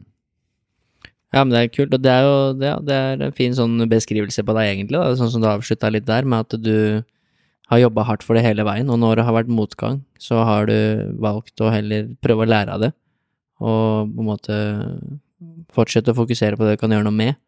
Men du har jo hatt mange trøkker opp igjennom, da. Men så har det jo ført til at du har spilt Eliteserie 14 sesonger. Mm. Det er ganske lenge. Eh, Du har fått eh, mange opplevelser og erfaring i bagen da. Helt klart. Det er mange år, mange hundre kamper, masse erfaringer. Og så underveis så skulle jeg på mange måter tenke at det skulle vært foruten skader og plager og hendelser, og heller forhåpentligvis at det hadde flytet mer. Du hadde kanskje ikke lært like mye heller. Nei, så sånn nå i ettertid så er jeg på en måte veldig glad for at jeg møtte de utfordringene jeg gjorde. Fordi at nå når jeg har et ønske om å jobbe med mennesker, da, så, ha, så er det veldig nyttig at jeg har vært igjennom de erfaringene. Ja, uten tvil. Mm. Men før vi skal gå, liksom, vi skal prate litt om det du har lyst til å drive med nå, etter, etter karrieren din, for det syns jeg er veldig kult. Det du har vært litt inne på, at du ønsker å hjelpe andre, ikke bare idrettsutøvere, men kanskje etter hvert eh, unge fotballspillere eller andre idretter som, som er i den alderen der, da, 14, 15, 16, 17, har lyst til å bli skikkelig gode, møte litt på motgang og gå gjennom alle de vanlige fasene der, hvor du selvfølgelig kan være en kjemperessurs. Jeg tenkte jeg skulle prate litt om. Men før det så vil jeg bare høre litt sånn kort om Ikke sikkert det blir kort heller, men fra det siste året ditt, for det har vi prata litt om. Eh, hvor du på en måte bestemte deg for at nå nok er nok, da. nå skal jeg gi meg. Og du kunne sikkert pressa ut noen år til. Eh, du har jo fysikken og kroppen til å kunne gjort det. Men eh, det må være litt eh, rart det også, å skulle gå liksom med de tankene at ja, det siste sesongen din, du har jo fortalt det til meg, så var jo ikke helt konge. Altså, da var det jo litt benk igjen, og ja, og når du blir såpass gammel, så er det kanskje ikke like kult å reise rundt i hele verden og Norge og ikke spille. Du gidder liksom ikke det etter hvert, og du har to barn og, og dame hjemme og andre ting å tenke på også, da. Mm. Eh, Fortell litt om den, om den prosessen der liksom For det jeg tror det er mange som kjenner seg igjen i, og det å bestemme seg for at nå skal jeg gi meg. Du har spilt eliteserie så lenge du kan huske, og det er det som har vært ditt liv. Nå skal jeg slutte og gjøre noe annet. Det tror jeg er vanskelig for mange, da. Sette den punktum. Ja, det tror jeg er veldig vanskelig for veldig mange, og det var jo Du, du gjør jo det du elsker når du er så heldig å få lov til å leve som profesjonell, så vil jeg tro at da gjør du det du elsker. I hvert fall for oss de aller fleste. Så er det på en måte det har vært drømmen, og du når drømmen din. Og så er det rart at fotball er akkurat like gøy når du er 35 som når du er 17. Men øh, du får litt andre ting inn i livet ditt etter hvert også. Jeg starta jo fast i 2020, men mista plassen min. Eh, fordi jeg presterte ikke så godt, da. Eh, og da, når jeg mista den, så presterte de unge godt, da. Så var det veldig store deler av sesongen jeg var i kjempeform. Og jeg visste at hvis jeg, hvis jeg starter nå, så presterer jeg. Men jeg fikk ikke på en måte de sjansene lenger, da. Det ble veldig få starter. Men hva som var den utløsende faktoren, er litt sånn vanskelig å si, men jeg hadde på en måte lyst til å gi meg mens jeg var god. Det hadde jeg også alltid hatt lyst til å gjøre. Jeg hadde ikke lyst til å presse ut flere år. Og så gjennom skader jeg har hatt, og utfordringer jeg har hatt, da, så har jeg også eh, tort å bevege meg innpå tanken om hva, hvordan er det, og hvordan skal det bli når jeg er ferdig med fotballen. Så det var, ikke, det var ikke sånn at jeg begynte å tenke på det for første gang i 2020. Jeg hadde begynt å tenke på det flere år tidligere. Begynt å tenke på ok, hva ønsker jeg å gjøre? Hvordan kommer det til å bli? Hva ønsker jeg å ha klart før det skjer? Og så videre. Så jeg jobba jo parallelt i mitt eget hode med at den dagen kommer. Så på et eller annet punkt i 2020 eh, så var, da var det akkurat som at jeg bestemte meg for at ok, nå er den tiden kommet. Dette blir min siste sesong. Eh, og da er det sånn at jeg hadde jo Jeg har alltid likt å gjøre ting ved siden av fotballen. Jeg hadde da hatt en dialog eh, med eieren av Grenland CrossFit en god stund. Eh, jeg hadde på en måte peila meg ut min egen kurs. Jeg hadde lyst til å jobbe med mennesker. Jeg hadde lyst til å være en personlig trener. Og jeg hadde snakka mye med Linn. Jeg begynte da etter hvert å liksom tenke på at ok, hva er fordelene med å Hva er fordelene da, med å legge opp? Det er på en måte at du kan begynne å planlegge litt, du kan ha helger. Du kan, så jeg begynte å tenke litt annerledes rundt det, da. Istedenfor å bare se på hva jeg mister, da. Så det gjorde det mye enklere for meg å, å Altså, jeg, jeg, brukte jo noen uker på skal, skal ikke. Men når jeg først bestemte meg for at ok, dette er min siste sesong, så var det også en god følelse. Da var det sånn, jeg hadde selvfølgelig fokus, trente hardt, hadde lyst til å prestere til jeg var ferdig. Men det var ikke sånn at jeg sto da 1. januar 2021 og ikke visste hva jeg skulle. Og det tror jeg nok er viktig også for, uh, for fotballspillere, at du, du må tørre å, å, se litt frem, og tørre å tenke på For det tar slutt for alle en dag. Så da er det greit å ha prøvd å finne ut hva du, hva du ønsker, da. Hva er du komfortabel med å gjøre? Har du tenkt nok på det, at du faktisk At det valget du tar, er det valget du ønsker å ta, da? Ja, og det tror jeg er viktig for uh, ikke bare fotballspillere, men alle som driver med toppidrett, da. At man ikke går gjennom uh, den identitetskrisa, at den ikke blir så voldsom, i hvert fall. Mm. Når du gir deg, at du har andre tanker òg. Uh, du har jo hoppa rett inn i å og virker jo som en kar også som Når du først hopper inn i noe, så hopper du inn i det ordentlig, da. Da skal du gjøre det ordentlig. Men uh, det syns jeg er interessant også, bare høre litt om, for det er, det er en vanlig problemstilling. Når du har vært toppidrettsutøver i mange år, så som du sier, det må ta slutt en gang. Uh, og da, det tror jeg er vanskelig for mange, altså mange som tyner kroppen godt, og jeg kjenner mange håndballspillere som er det jeg jobber med, som fortsatt spiller og presser ut år og ja. Ja, så er Sikkert det- mange grunner til det, men at det er vanskelig kanskje å Ja, så er du en del av et miljø, ikke sant. Du har garderobekulturen. Du har folk rundt deg som legger ting til rette for deg. Du tjener kanskje godt. Det er så mange ting, da, som gjør at du er veldig komfortabel der du er, da. Det blir veldig sånn skummelt på utsiden av den bobla du lever i, da. Eh, Men for meg så føles det ikke sånn, da. Det var sånn Jeg var på en måte innforstått med at ja, lønna mi går ned. Eh, Det blir en helt ny hverdag. Ja, det kan bli veldig hektisk, men vi fokuserte også på alle fordelene som kom med det, da. mm. Så, eh, men det var jo mange timer, selvfølgelig, hvor eh, da jeg og min kone snakka mye om da, hva som, hva som venter, og er det dette vi vil og ønsker. Ja, kom akkurat hjem fra løpetur her. Nå kom ja, Det er sikkert eh, en og en halv mil eller to. Men hvordan er det eh, for deg, for du har gått gjennom mange ting her hvor du har prata om deg som person, at du har gått gjennom mye motgang i karrieren din og lært masse av det, og fått perspektiv, og det har gjort at det har blitt enklere for deg når du fikk kneskaden og når du fikk disse tingene å takle det. Eh, hvordan har det vært når du fikk barn? Har det forandra noe? For dere har jo to barn, og du fikk jo barn mens du enda var aktiv. Forandra det Eller du, du får jo et perspektiv da òg, når du plutselig Ja. Helt klart.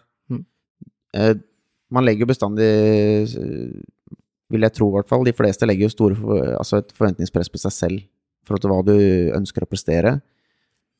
Og at du blir skuffet, du kan bli skuffa av dine prestasjoner osv. Og, så og sånn har jeg vært hele karrieren, at jeg har alltid på en måte krevd mye av meg selv.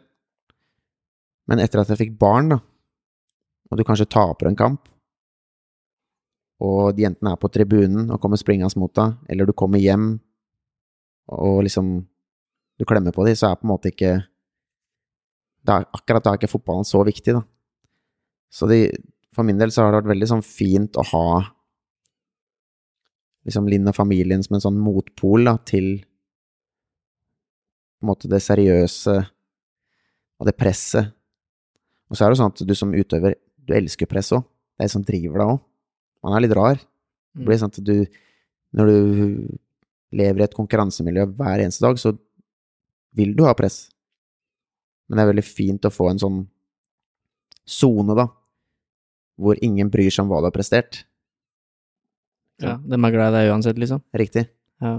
For det er mange som sier det, jeg syns det er interessant. Jeg ser det med mange jeg jobber med folk nå også, som har barn. At eh, ja, man på en eller annen måte Noen presterer jo bedre etter at de får barn, fordi at de får den balans, eh, balansen der. Ja, og det, det gjorde jeg også. Ja.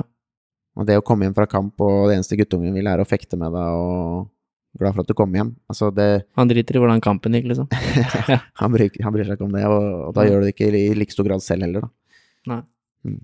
Ja, men det er kult øh, med det perspektivet der også. Og vi har vært gjennom her nå, det er litt forskjellig. Det, karrieren din, at det var litt motgang når du tok steget som 16-17-åring.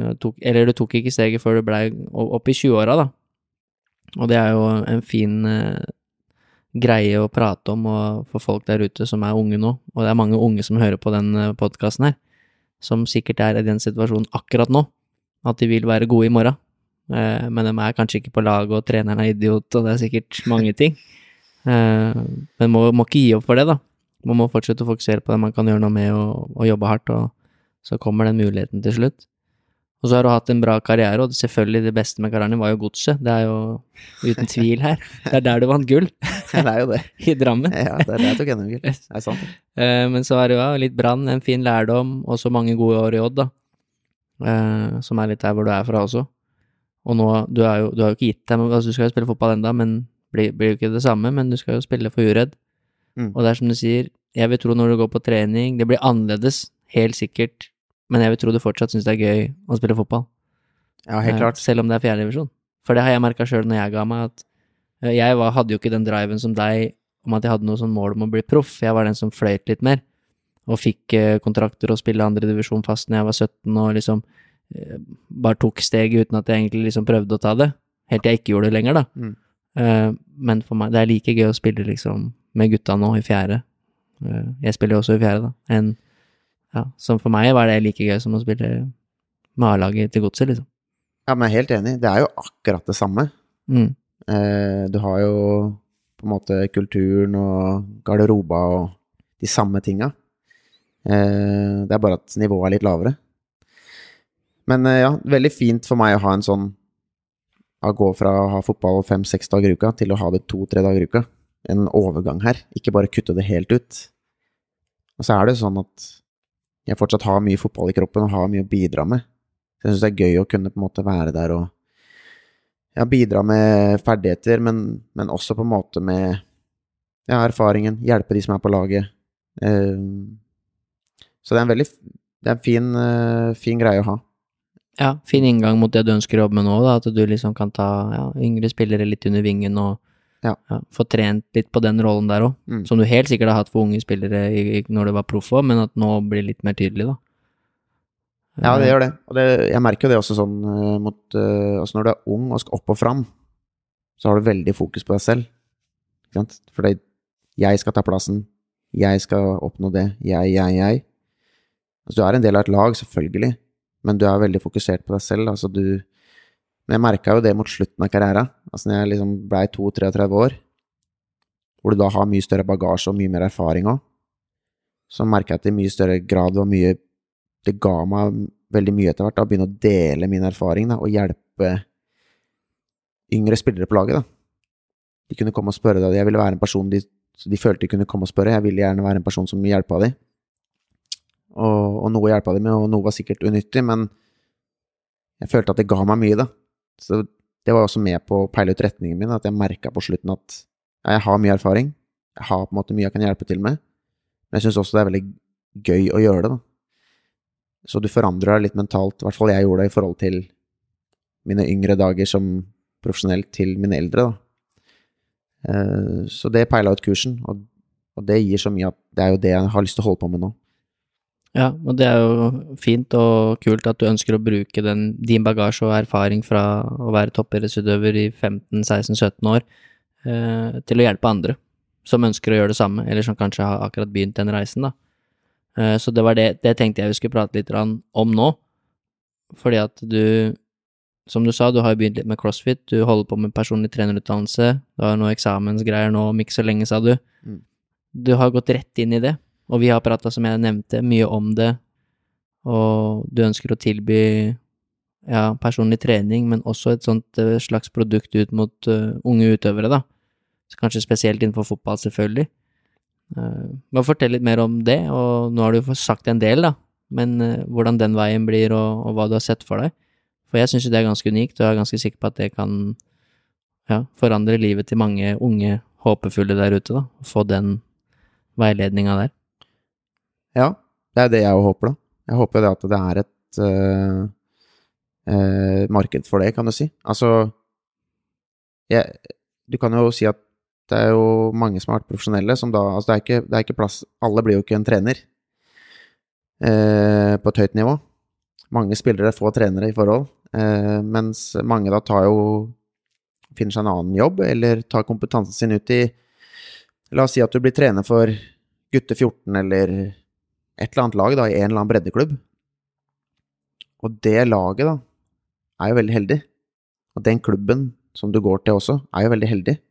På samme måte nå som at jeg kommer inn i Uredd som en utviklingsansvarlig og er med på A-laget. De er jo heldige, for de får veldig mye kompetanse inn i klubben. Som du opparbeida helt naturlig gjennom mange år. Og så jeg tenkte at min eh, stillingsprosent i, i det er jo ikke eh, sånn veldig stor, det ville jeg ikke ha heller. Så jeg tenkte at man kan heller stille seg åpent i markedet, da.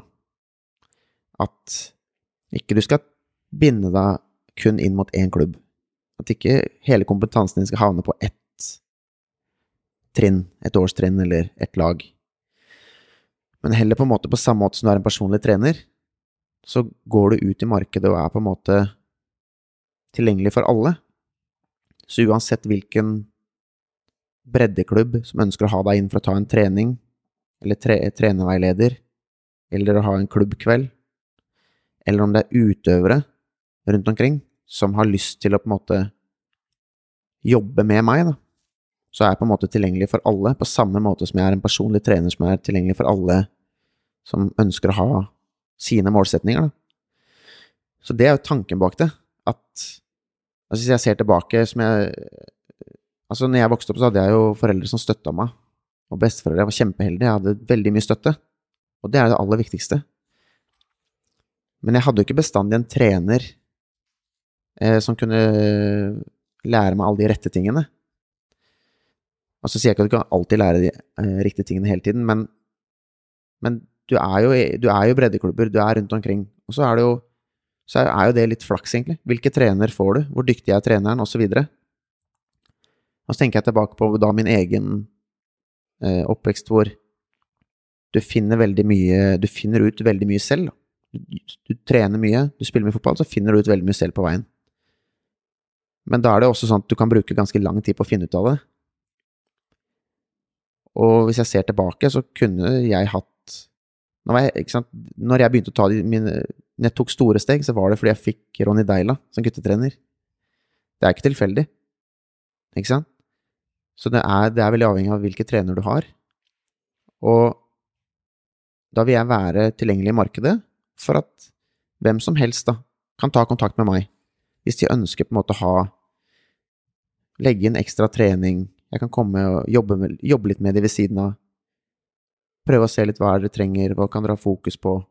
Ved å også bli en personlig trener, så kan jeg også hjelpe de å trene fysisk, altså spesifikt inn mot fotball.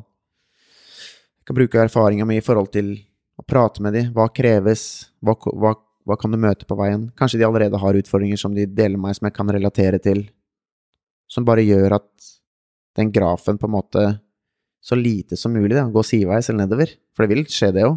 At du kan på en måte peile det inn på, på en kurs igjen, da, eller eh, jobbe med de rette tingene istedenfor at de må bruke mange tusen treningstimer på å finne ut av det selv.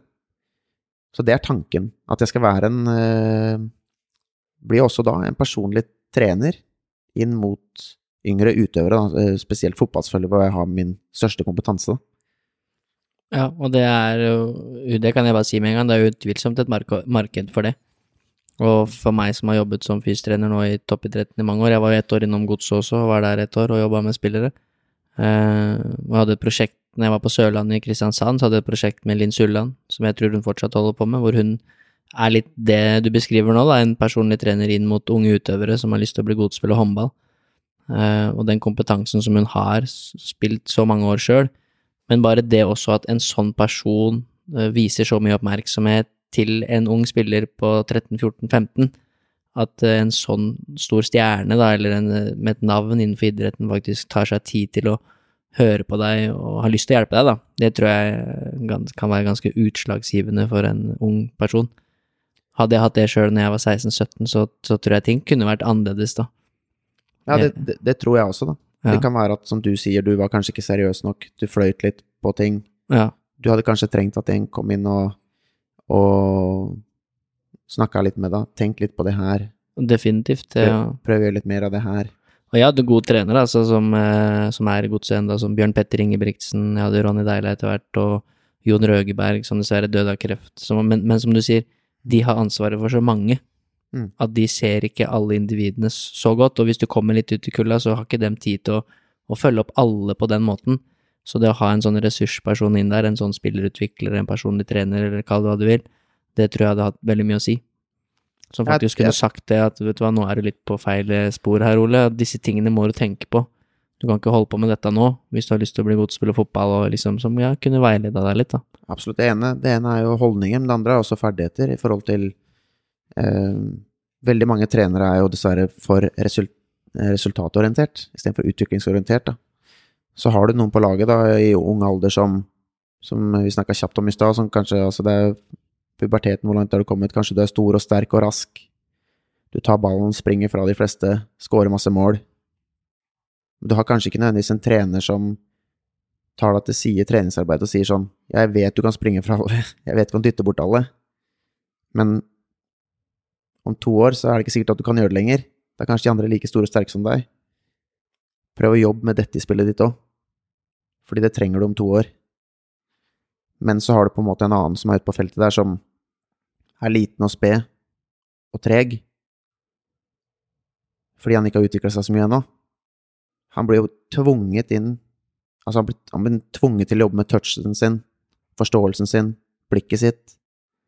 For han har ikke råd til å ta dårlig touch. Han har ikke råd til å være der det ikke er rom. Fordi da blir han dytta bort, skubba bort, han, blir, eh, han mister ballen, han blir løpt fra. Men to år senere, når han har på en måte måttet jobbe veldig med det, da, med det tekniske og, og forståelsen sin, så er han kanskje like stor og sterk som han som har vært vant til å springe for alle og skåre masse mål. Ja, og da har han gjort en jobb med, med er- seg sjøl òg. Hvem er best da? Ja. Og, og det er litt det at eh, For han som er stor og sterk, da, så kan det være veldig kjipt for han at han ikke hadde eh, forelder eller trener som kanskje så Altså, han var bare vant til å høre at han er så sinnssykt god. Ja, og det er jo som du sier her, man setter jo folk veldig i bås, da. Og når jeg var 15-16, du sa bare litt inn på det i stad også, med at du var på kretslag og sånn, men du spilte ikke fast og sånne ting, da. Mm. Jeg var liksom litt motsatt, jeg spilte alltid fast på kretslag og juniorlandslag, og ble alltid brukt, men visste jo ikke helt hvorfor jeg ble brukt, annet enn at du bare ble fortalt at du var god, du Mm. skal spille, Mm. men det gikk ikke noe utvikling, da. Nei. Og når du kommer til et punkt når du blir tatt igjen, når du blir tatt opp et A-lag, hvor folk er større enn deg, de er sterkere enn deg, de driter om du var god når du var 15, eh, så har du ikke noe verktøy, da. Nei. Da er du ikke god lenger, og så er du ikke vant til å jobbe heller da for å ta de stega, og det tror jeg er eh, Ja, det som du sier, det tror jeg er veldig viktig. Ja, så jeg tror akkurat i de fasene der, da, så kan det være veldig nyttig å på en måte ha mennesker rundt seg som på en måte gir deg riktig input, da. Det er det jeg ønsker å være, da. På samme måte som at han, han som er eh, liten, kan du motivere da, til at stå i det, liksom. Bare fortsett å, å jobbe med disse tingene. Du vil bli større og sterkere. Du kan trene litt sånn her utenom, men bare stå i det. Altså, jeg hadde en periode, jeg husker selv, eh, for jeg var jo vant til å være god, men jeg var litt sent ute i utviklinga mi i forhold til pubertet sånn, og da fikk jeg fra å være god Jeg gikk fra å være god til å bli eh, Kall det ganske dårlig, da. Fordi at eh, jeg ble treg og, og løpte ifra, og jeg var svakere. Og jeg husker fortsatt den samtalen hvor jeg kom til faren min og sa at eh, nå har jeg ikke lyst til å spille mer fotball. Men da var det bare at faren min sa at eh, ja, men Altså, han sa akkurat de tinga jeg sa nå. Mm. Bare tenk på at du er ikke så tidligutvikla som de andre. Så hvis du bare på en måte ikke gir deg nå, du bare fortsetter litt til Bare fortsett. Jeg vet at du syns det er kjedelig nå, men hvis du bare fortsetter nå, så vil du se at om et år så er det annerledes. Og det var det, det, det, var det jeg trengte da, for å bare fortsette, da. Og så blei det jo helt annerledes et år etterpå. Ja. Ikke sant? Men det har litt med at du, du trenger de personene som sier de rette tinga til deg, som enten gir deg motivasjon til å arbeide med de rette tinga, eller motivasjon til å stå i det, da. Ja. Og det er det ikke alle som har. Det er ikke det, og man ser jo de eksemplene overalt, da, Mm. hele tida, og det, jeg syns jo det er det som er kulest med idrett, at det er ja, bare de som har vært med på podkasten min, det er så mange forskjellige historier. Mm. Noen var veldig gode som barn, noen var ikke gode. Eh, Mm. Noen begynte å spille håndball når de var 14-15 og slo ikke gjennom før de var gått ut i 20-årene. Og det er liksom ikke alle som slår gjennom når de er 15, som Martin Ødegaard. Det er ikke naturlig å gjøre det. Eh, det de fleste slår gjennom litt seinere. Så det, jeg syns det er veldig kult det du har lyst til å prøve å få til, og jeg tror det blir en suksess. Jeg gleder meg til å følge det. Eh, og skulle definitivt ønske at jeg var en sjøl som fikk en sånn spiller inn når jeg var 15-16, til å hjelpe meg med de tinga der, da. Jeg tror som sagt det hadde vært veldig endrende. Så det blir spennende å se det. Ja, det, jeg syns det blir spennende selv. Det blir spennende å se om det er Altså, jeg håper virkelig det er marked for det, og, på en måte det jeg skal tilby, er jo prof, altså, seriøst og profesjonelt. Altså, jeg ønsker jo å, liksom Ja, komme og se kamper og liksom Ja, ja. alt. Vise at du bryr deg om vise det. at jeg bryr meg. Kan, kan Mm. se de spille en kamp, som du sier. Gi de tilbakemeldinger i forhold til hva som er veldig bra, og hva de kan kanskje tenke mer på. Altså, det kan være så mange ting, da. Så, så den, den pakka jeg har lyst til å tilby, skal jo være en seriøs pakke hvor de får ordentlig oppfølging. Ja, det blir jo en helt unik greie, det der. Det er ut, utvilsomt at det blir eh, en stor suksess. Må bare få kommet i gang med det. jeg håper det. Eh, For det ser jeg sjøl i håndball, som du sa. Treneren er resultatorientert, også i den klubben jeg jobber i, og det må det jo være. Mm. Eh, Så mange treninger går jo til å forberede laget til å spille på en viss måte for å vinne den kampen. Mm. Og det går jo selvfølgelig på bekostning av individuell utvikling, da. Eh, Og da, da må du ta litt ansvar for den individuelle utviklinga di sjøl. Mm. Skal jeg trene på å finte utover, skyte i lengste, legge den over med håndleddet som kant, hva det måtte være, så må du legge i den jobben ofte selv. Og det å få input fra noen da, som har gjort det i mange, mange, mange år selv. Tror jeg har mye å si da. Ja. uh, fordi Jeg tror en, en trener klarer ikke å plukke opp alle de tinga der. Det, det er helt umulig. Ja, det er, helt, det er helt umulig, og du har gjerne ofte et forhold til treneren din som Altså, det er ikke alltid du sier alt til treneren din. Det er ikke alltid du snakker med treneren din om alle følelsene dine. Altså, det kan være så mange ting da, som gjør at du står fast eller ikke presterer, eller eh, Men det er ikke alltid at treneren er den rette personen å ta det med. Nei, absolutt ikke. Og jeg fortalte jo deg om det i stad, hadde jo en samtale med en senest i går, så jeg har ikke nevnt navn, en ung spiller som vi har, hvor jeg sa liksom at uh, du trenger ikke å løpe de intervallene i morgen før, uh, før du skal på håndballtrening. Du har bra nok løpskapasitet, mer enn bra nok. Sett deg heller et par mål for den treninga, hva du har lyst til å utvikle, og så jobb med det. Uh, og snakk med trenerne som er der, fordi det er en trening med individuelt fokus, da, Mm. på skolen. Og bruk tid på det, for det er det du trenger å utvikle. Du trenger ikke å bli bedre til å løpe, for det er du liksom allerede god nok på, da. Mm. Eh, og sier ikke at jeg er den rette til det, men jeg ser mer og mer min jobb som fysiotrener, hvor mye det henger sammen med andre ting. Selvfølgelig, og du har masse erfaring, og du har også opparbeida deg en tillit, en troverdighet overfor eh, den personen, som gjør at den personen kommer til deg og sier at, at jeg ønsker å løpe, eh, og, og hvor du da har muligheten til å si at nei, det, det behøver du ikke, det er ikke riktig for deg akkurat nå, stol på meg.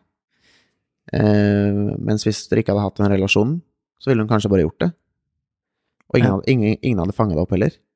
Ingen hadde visst hvorfor hun ikke presterte på kamp, eller Altså, ikke sant? Så det er så viktig å ha en Ja, du er en fysisk trener, men det er også eh, Etter hvert så blir du også en mentor, på en måte. Du har sett utallige spillere over tid. Du har vært i game i mange år. Gjennom det så, så har du så mye å, å gi til den personen, da. Ja, i hvert fall det som er målet, og det er som du sier, man, det er helheten. Det er så mange andre ting. Ja. Uh, og så er jeg veldig flink til å se mine egne begrensninger, tror jeg, så jeg er ikke håndballtrener. Eh, men jeg kan si at vet du hva, gå og snakk med en keepertrener. For å utvikle deg i mål nå, så må du gå og snakke med en keepertrener. Mm. Eller? Eller se video. Jeg kan ikke ta det neste steget, for deg fysikken har du. Eh, så man ser mer og mer hvor viktig det er, og jo høyere nivå utøveren kommer på, jo vanskeligere blir det de små detaljene. For det er ofte detaljer, da, som du må jobbe med. Eh, og det vil jo du være i stand til å kunne se, når du skal da se, gå og se en kamp og se bare den utøveren, og gi tilbakemelding. Det vil ha mye å si, tror jeg. Jeg tror det. Altså, det blir gøy å følge. Jeg gleder meg til å høre mer om det. Og kanskje sende noen utøvere ned til deg etter hvert òg. ja, ja, du må gjøre det. Og... Ja, da, vi er godt i gang med Vi er godt i gang med hvordan vi kaller det prosjektet, da. Vi er godt i gang med hjemmeside og, og, og snakker mye om på en måte hvordan vi skal legge det opp og, og hva vi skal tilby i markedet og sånn. Så vi er godt i gang, så det er ikke så lenge før det er på plass. Og så blir det egentlig bare veldig spennende å se, se hvordan det blir tatt imot, da. Mm. Ja, er gæren. Og vi, så sier du, og det er flere sikkert, men det er litt Linn nå, som du er sammen med, så dere er jo litt team som gjør det sammen, og Ja. det er jo litt nytt for dere òg, for du har jo vært eh, profesjonell spiller i mange år, det har jo handla mye om deg. Det handla mye om meg, og jeg har vært veldig heldig, da. Linn har vært Mm. veldig flink til å legge til rette og, og tatt mye ansvar hjemme, og, og så Og ja, alt som Alt som fører med, eller alt som følger en, en profesjonell uh, utøver. Det er mye restitusjon og mye hensyn som skal tas, da. Så det har også vært med på å gjøre at jeg har kunnet eh, spille til jeg blei 4-35 år og, og vært veldig heldig sånn. Og nå har vi på en måte funnet en ny ting sammen, da. Som også er viktig, da. Så nå har vi på en måte Nå brenner vi for dette, da. Ja, det syns jeg er kult Mm. og inspirerende å se, at dere nå, nå ja, Som du sa i stad, du ser de positive tingene med å legge opp hva du får mer av. Du får mer tid med henne og ungene og gjøre ting sammen. Ikke bare hva du mister ved å gi deg, da. Eh, Så det blir kult. Jeg skal definitivt markedsføre for dette når det kommer ut. Det er hyggelig. Så Setter jeg pris på. kan hende du får noen håndballspillere inn der òg. Ja, ja. Det blir en fin utfordring. Det er bra, det. Men jeg tenkte, til slutt så tenkte jeg vi skulle ha en sånn liten spørsmålsrunde. Eh, som jeg har bare satt sammen litt basert på eh, at jeg kjenner deg litt fra før, og ting vi har prata om og sånn. Bare sånn veldig enkelt, bare for at det er, det er litt gøy å høre, da. Og noe av det har du jo kanskje sagt litt om nå også, men som er, som er morsomt. Du har jo masse opplevelser eh, fra din 15-16 år som profesjonell utøver. Eh, så først er det en sånn liten fun fact. Jeg har ikke noe med spørsmålsrunden å gjøre. Jeg, fikk, jeg kunne fått flere av Linn, men jeg, var, jeg pusha ikke så mye på det, da. Men det en jeg fikk som jeg, som brant, som jeg brant meg litt merke i, som jeg syntes var gøy, fordi det minner meg litt om meg sjøl, det skal jeg fortelle om etterpå, da, er at du importerte ting fra Kina når du, når du var yngre. Ja. for å selge videre eller et eller annet. Men det ble ikke suksess. Nei.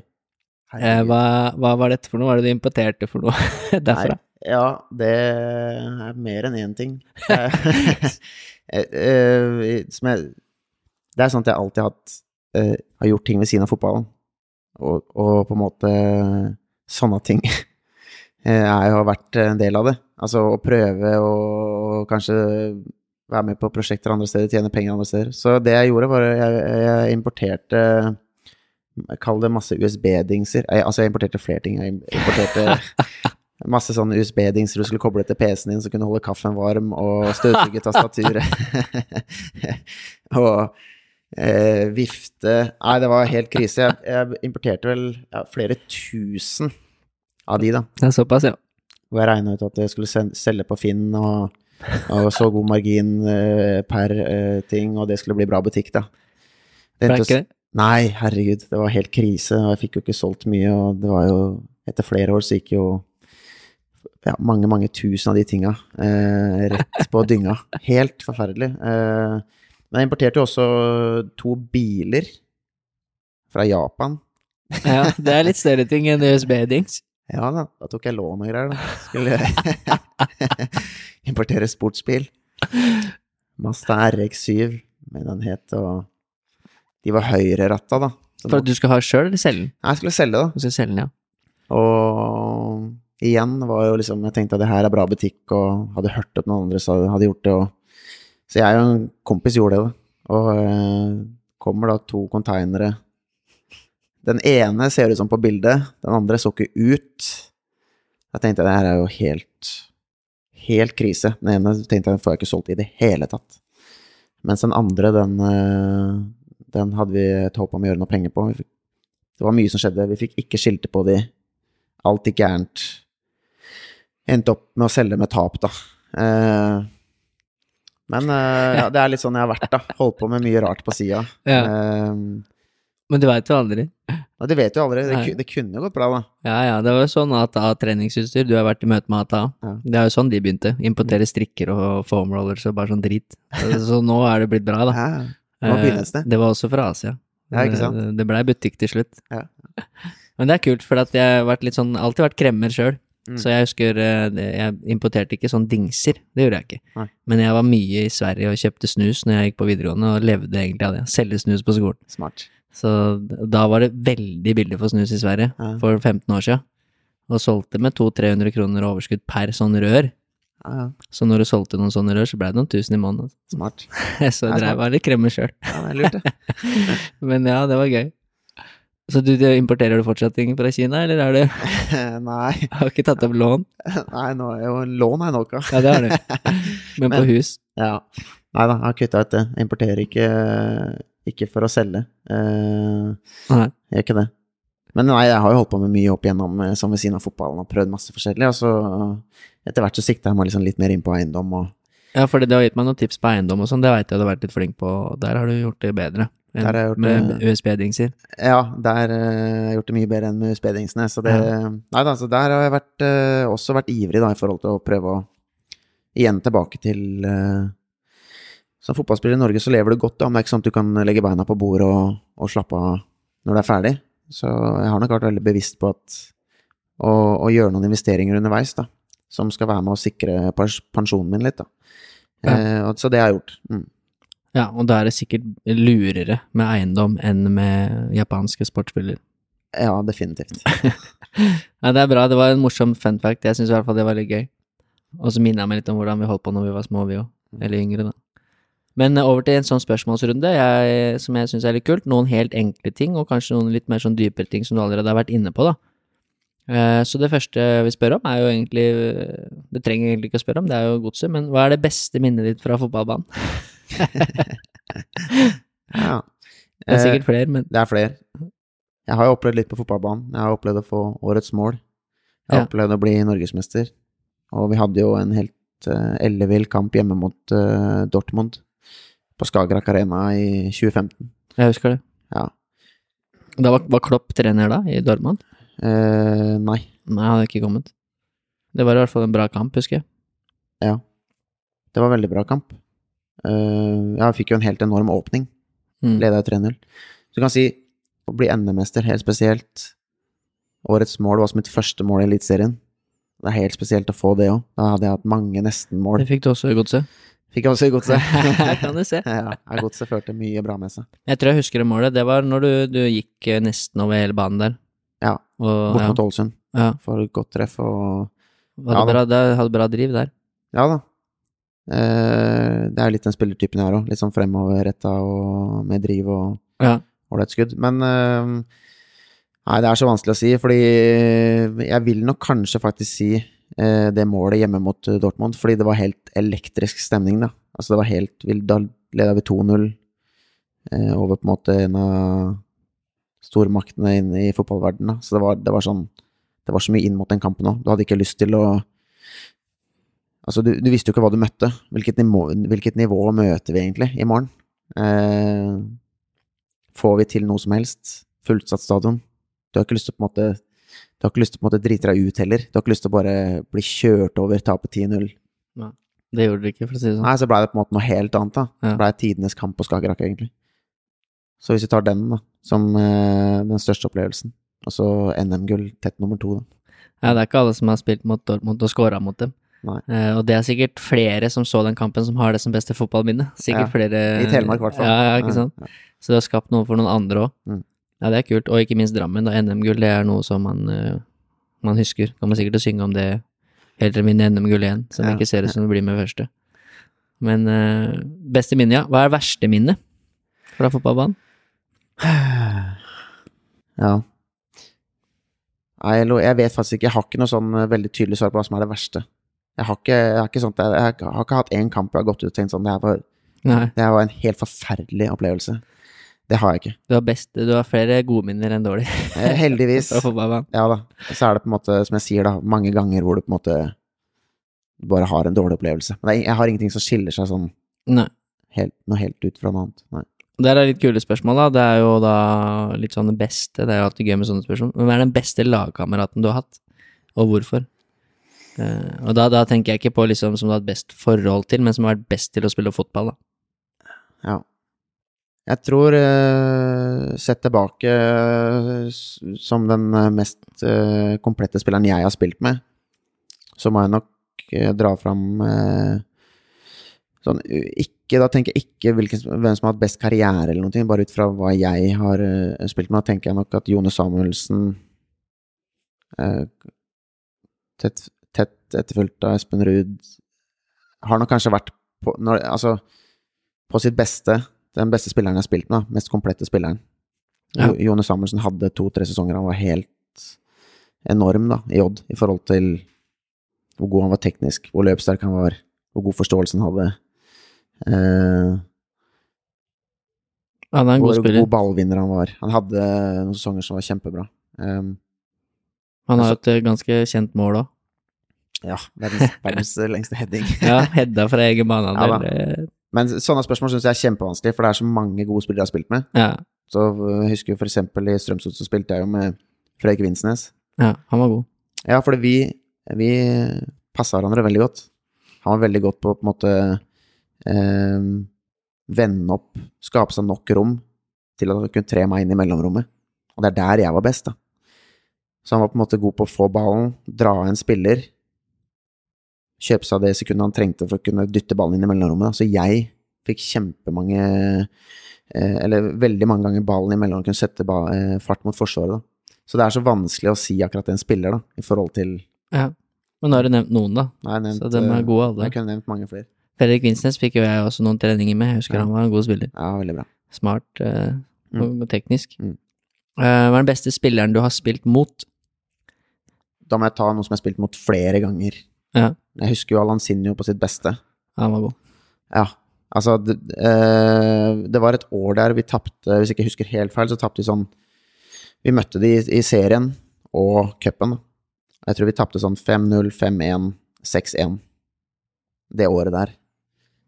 Og Ja, mot Stabæk, ja. Stabæk mot. Stabæk. Ja. Og, og de kampene er tilbake til det jeg sa når det kommer en i garderoben, så tenker du sånn Nei, nå gidder jeg ikke mer. Ja. Fordi at uh, du blir bare fullstendig overkjørt, da, og du føler deg lite god, da.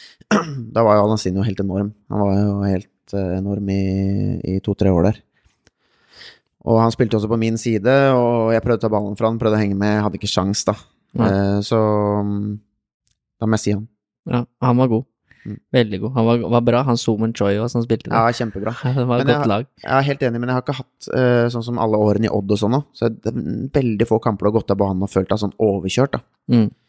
Veldig, det er ikke så mange kamper i løpet av en karriere hvor du føler deg at liksom, du hadde bare ikke en, en sjanse, da. Nei. Uh, mens uh, mot Stabæk på den tida der, Ja. så skjedde det ofte, da. Ja, og de var gode. De det ble helt utspilt, da. Ja, det var fryktelig. Det var litt sånn som Bodø-Glimt var i år, de var veldig overlegne. Ja. Jeg tror det er flere som har hatt den følelsen med Bodø-Glimt i år. Ja, det tror jeg. Eller forrige sesong. Du kikker mye på klokka og bare håper at det Ja. her snart er ferdig. Ligge under 5-6-0 der og sånn. Ja. Det var ikke noe kult, tror jeg. Fortsatt 20-30 minutter igjen. Ja, Det er tungt. Jeg har sånne, men det er kult. Jeg har noen sånne minner, jeg òg, selv om jeg, jeg kan jo ikke si at jeg har hatt en karriere egentlig i det hele tatt. Men jeg husker jeg spilte Jet Cup-finale to år på rad med Godset. Vi hadde veldig bra juniorlag. Og da husker jeg vi møtte Vålerenga i finalen, og de hadde, de hadde så sykt Vi tapte 5-0. Eh, De hadde jo Harmed Singh og Mohammed Fella, altså spillere som egentlig allerede spilte tippeliga, da. Ble, De var, de var så gode at vi, vi hadde aldri ballen i Nei. 90 minutter. Og dere møtte de to år på rad, eller? Nei, det var Rosenborg året før. Da hadde vi større sjanse, altså. da burde vi vunnet, men mot Vålerenga så var det fryktelig. Så Det er tungt, da. Det Ja. er to finaler, ingen ja, to finaler. Men det er som du sier, det er, man har den følelsen noen ganger at uh, det er ikke, Eller det er ikke ofte man har den følelsen man har blitt rundspilt. Nei. Jeg tror du husker det når du har det. Ja. Alan Sinjo, han var god.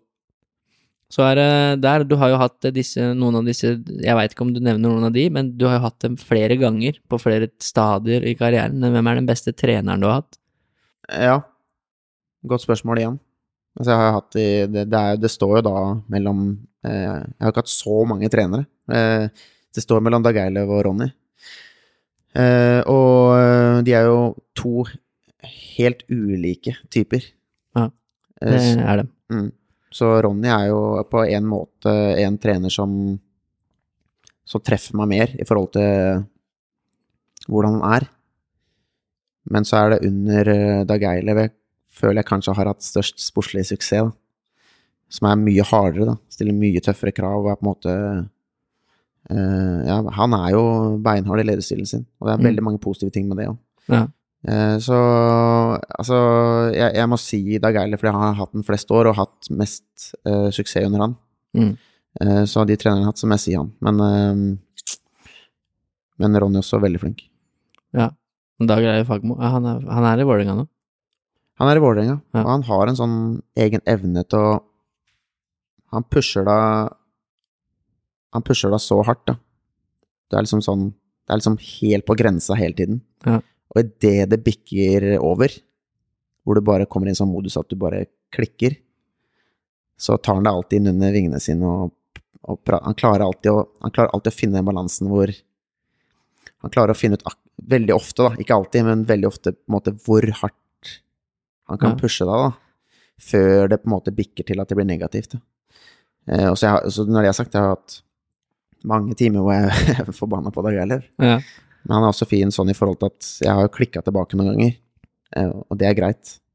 Eh, jeg, Ja. tror, jeg tror han liker det, at det skal heller gå den veien, og så shaker man hender etterpå, så, alt, så er det glemt, da. Så han har en tøff, veldig tøff lederstil. ja. Eh. Det merker man jo bare fra media, eller Mm. sånn når han uttaler seg òg, at Ja. han er en sånn harding. Ja da. Og da har han vel kanskje også hatt også, Det handler jo om, som du sa i stad, du må se dine begrensninger og hva din styrker er. da. Så han Ja. har nok alltid vært flink også til Han har hatt en assistenttrener i, i Jan Frode Nordnes, da, som er helt motsatt. Sånn at på en måte Dag Eilev er inne og, og gir hårføneren til alle, kanskje, så går eh, Nordnes rundt og, og klapper folk på skuldra og slapper av. Det går fint og liksom Så du må, ha, du må ha en som på en måte Balanserer det litt. balanserer deg, da. Og det Ja, har han har han Kenneth Dokken i Vålerenga nå, veit du det? Ja, Jeg tror han har Kenneth Dokken nå. Ja. For det er kult, for jeg hadde jo Kenneth Dokken i to år i IBK, Mm. og det er definitivt den beste treneren jeg har hatt. Er det? Kult. Eh, veldig flink. Han var jo i godset da jeg kom. Ja, fin type, og det blir gøy å se hva de to kan få til sammen i Ja, ja, ja, Vålerenga. Men eh, ja, det var Dag Erlei Fagermo, beste trener.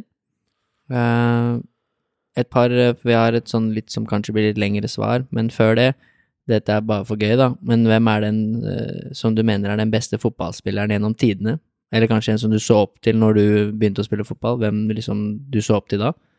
Uh, og hvem er det du syns er best akkurat nå? Ja. Uh, jeg husker jo veldig godt hvem jeg hadde som idol da jeg var liten. Ja. Altså, jeg hadde jo Ryan Giggs. Uh, han har hatt en helt enorm karriere. Så har han hatt noen episoder utenom som kanskje ikke er like heldige. Ja, etterpå, ja. Ja. Men, men det er ikke han Så han inspirerte meg mest som ung. Men den personen som har inspirert meg mest etter at jeg kaller ble voksen, er eh, Cristiano Ronaldo.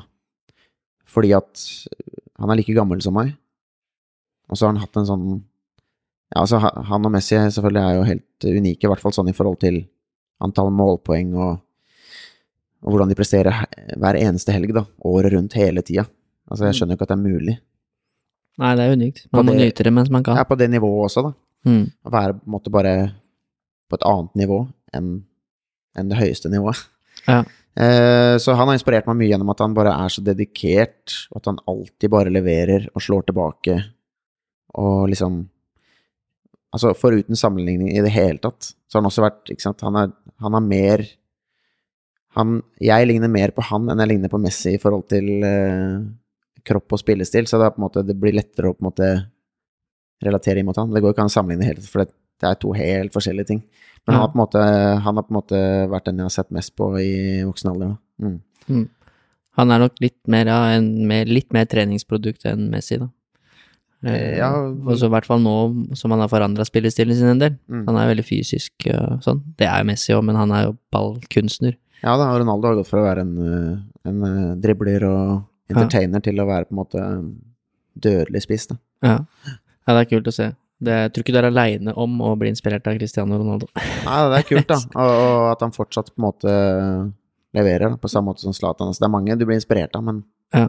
mm, han er den som har vært, uh, gjort størst inntrykk. Da. Men hvem er den beste akkurat nå? Er det også Ronaldo? Han er jo kanskje ikke den aller beste lenger, Nei. selv om han er jo oppi der, men Ja, nei, han er ikke Han er, ja, han er, jo, han er jo fortsatt der. ja, ja. Altså okay. gøy? eh, ja, Han er jo fortsatt helt i verdenstoppen. Han, han presterer fortsatt på et skyhøyt nivå, så jeg tør ikke å avskrive den helt, så da sier han det. Ja, han er bra. han. Vi har en fra Norge som begynner å bli bra òg. Ja, det er jo veldig gøy å se, da. At Ja, Haaland. Haaland er helt uh, Altså, Ja, det er kult. ja. Og, nå, og det er jo på han også. Det er jo stort sett helg etter helg, kamp etter kamp, hvor han presterer. Så det er jo på en måte ikke et sånt Ja, folk har allerede, føler jeg, begynt å ta det litt for gitt. Og begynte Ja. liksom, når han ikke skårer på to kamper, så var han ute av form. Så er det sånn Ja, og det er jo litt sånn med å Mm. være stor stjerne, og det er den byrden du må bære også. Så folk hyller deg, men du på en måte du, Folk blir veldig fort misfornøyd da, hvis du ikke presterer og ikke scorer. Da. Ja, ja, det går jo to kamper med Haaland hvor det er liksom måltørke, og det er sånn Ja, ja, Folk helt- skjønner ikke. Nei, og nå fikk han oppleve det for første gang egentlig i karrieren sin Ja. eh, nå nylig, at han ikke skårte på noen uker. Ja, ja. Og da har han helt sikkert lært veldig mye av det. Nå, det er fortsatt sjukt at det er liksom det er bare noen uker, for det er, Ja, ja. det er unikt. ja, ja. Men uh, det er kult. Du har jo en, vi skal ikke snakke om det, vi skal gå videre, men du har jo en uh, som er Yasi Milan fra Norge òg, som er litt sånn, føler jeg litt sånn som deg. Han spilte fjerdedivisjon for ett og et halvt år siden. Jens Petter Hauge. Mm. Uh, litt det samme. Som var liksom Jeg har bare hørt han bli intervjua og sånn, at han ikke, var ikke på veien til å gi opp, men han satte veldig store spørsmålstegn ved seg sjøl for halvannet år siden, hvor han spilte fjerdedivisjon for Ålesund, Mm. til å briljere i Eliteserien, og så bli henta til Milan nå. Så det kan forandre seg mye, da.